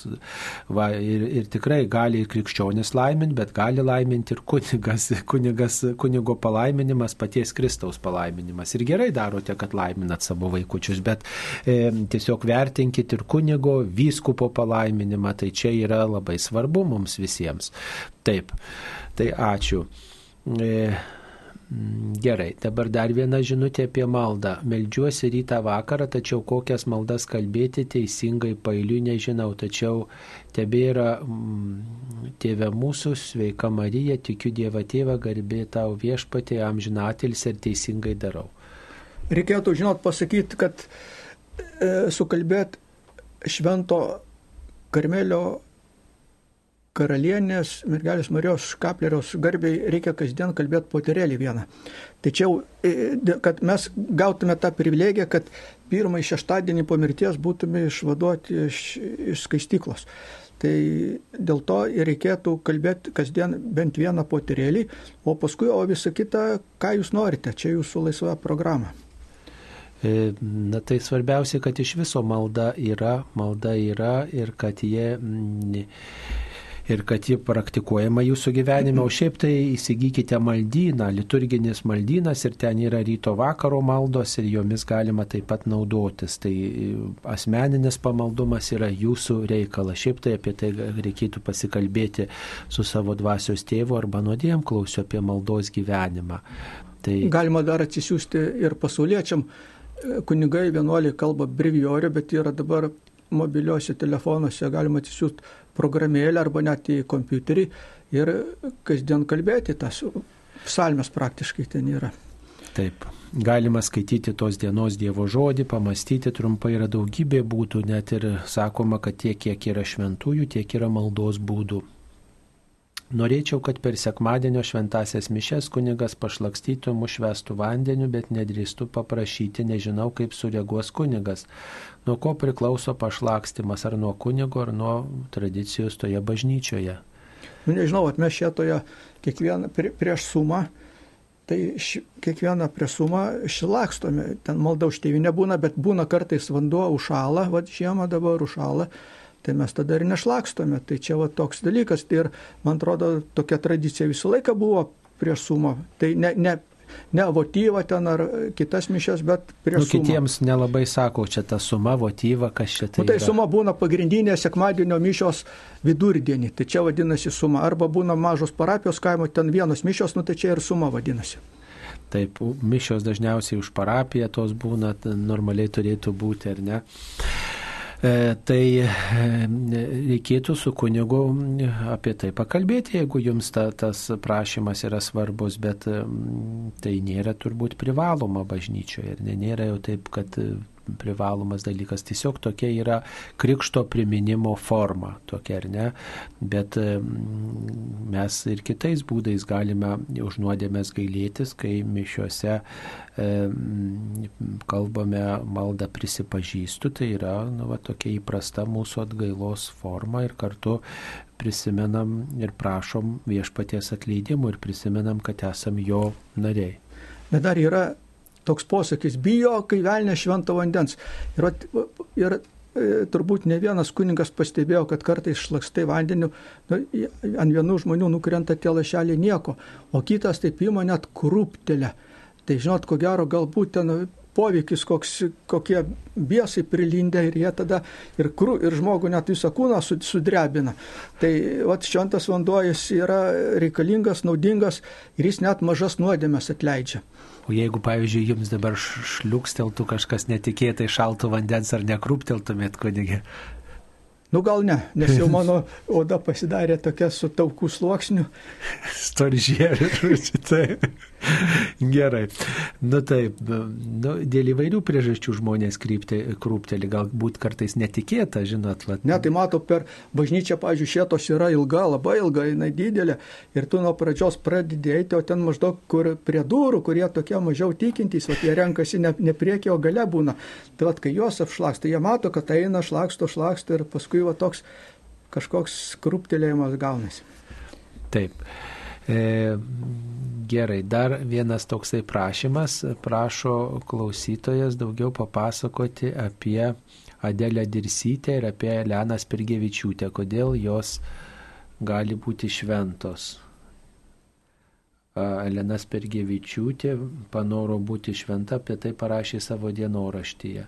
sako keista, bet pasirodo šito užteko. Nu, neužteko, mėla klausytoja, kad parašė, kad būti šventa noriu būti šventa. Taigi gal galime keletą žodžių tarti apie jinai, vat, palaiminta, papaukojo, būsimas palaimintasias. Jo, jinai paukojo e, skaistybę, jai e, ten Čiaponės ir kiti buvo užpolikai, Kaune užpuolė ir norėjo ją, e, žodžiu, su ją nedurai pasielgti.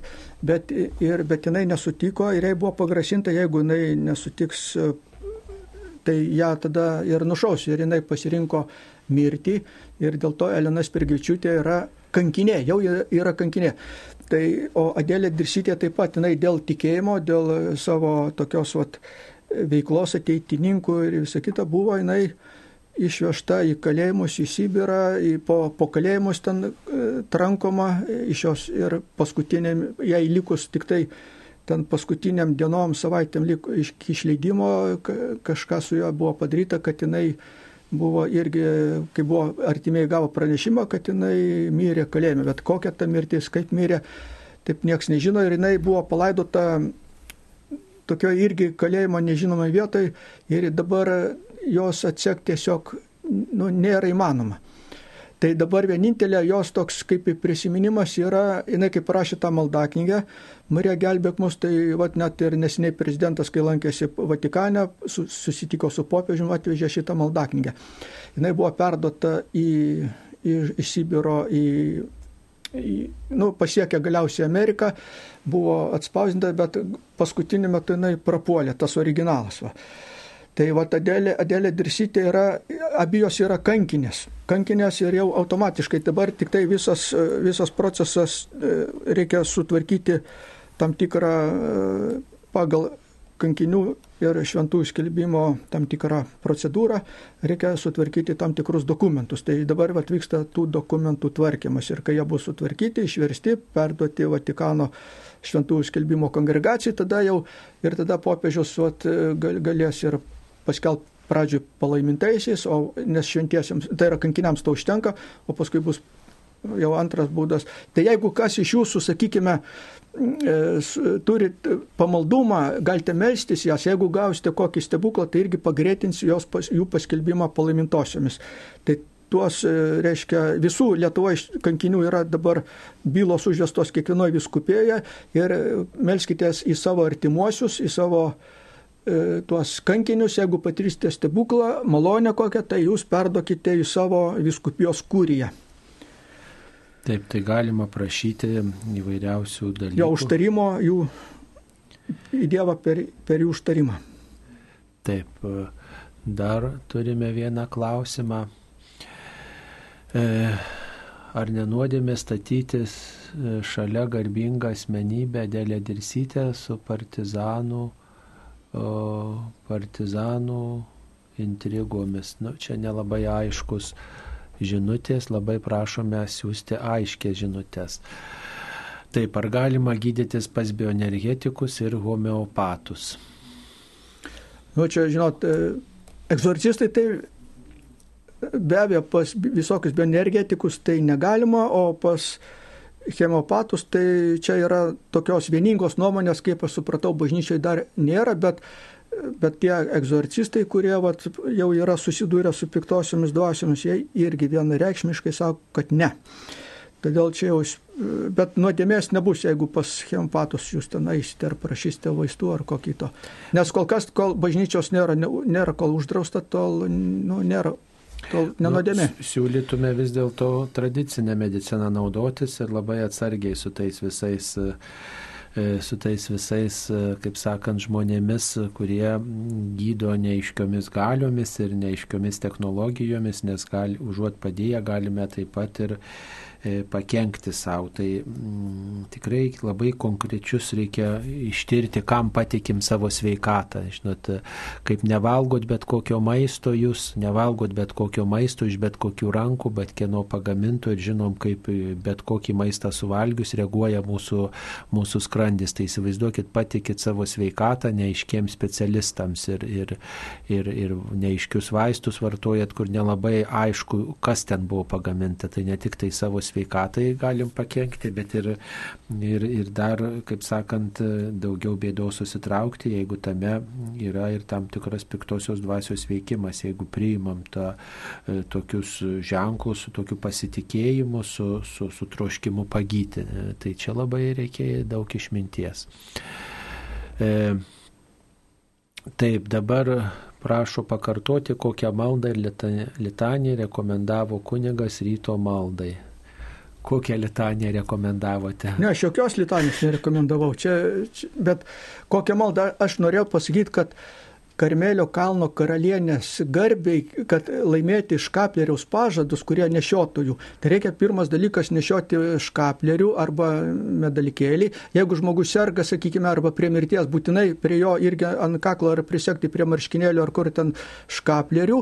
Ir kasdien melstis reikia jau vieną poterėlį, bent vieną poterėlį. Marijos kar Karmelio kalno karalienės garbiai. Va.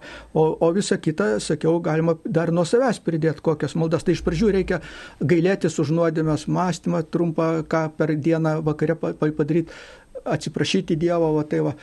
Rytą pasiryžimus galbūt padaryti kažkokius, tai va, šventą raštą trumpai paskaityti. Nu ir pabaigai pakartokite, kur surasti knygą Piligrimo vadovas internete, tą internetinę svetainę, į kurią įkelėte įvairias knygas. Geriausiai surasti, o kaip sakiau, katalikai.lt, ten dešiniai pusėje paminklai negimusiam vaikam paspaustą nuorodą, o paskui nuo tos, kai atsidarys langas, ten perėti prie pagrindinio to puslapio. Ir ten, o, o, o jo pavadinimas gana ilgas, tai provita.media, čia angliškai parašyta jau žodžiai, media, vienas žodis, e, media news online.com. Ir ten, va, kairiai pusėje bus žalia juosta, tai turinys ir ten galima tada ten tuos atsirasti. Arba paprašyti Google paieškų sistemą arba bet kurioj kitoj, parašyti piligrimo vadovas po Marijos vietas ir ten, dar, ir ten galima surasti. Taip, tai ačiū kunigui. Robertui Skrinskui, kuris yra Šėtos ir e, Lančiūnavos parapijų klebonas, kuris dalyvavo šitoj laidoj, tai kviečiame gerbti mūsų e, krašto, mūsų tautos kankinius, šventuosius, e, gerbti Dėlę Dirsytę, kuri prisiminti, kuri tikrai mūsų kankinė. Ten į gimtinę yra rodiklė padaryta, ten važiuojant nuo Via Baltika link šėtos tuo keliu, ten maždaug per vidurį yra rodiklė, rodiklės įdėtos, jie dėlės dirsytės tėviškė ir ten yra paminklas Adolfo Teresijos padarytas ir viskupo Algerdo Jureičiaus pašventintas. Tai ačiū mielas kunigė, kad jūs puoselėjate Adėlės dirsytės atminimą. Šioje laidoje dalyvavo kunigas Robertas Krinskas ir aš kunigas Saulis Bužauskas. Būkite palaiminti, ačiū sudė.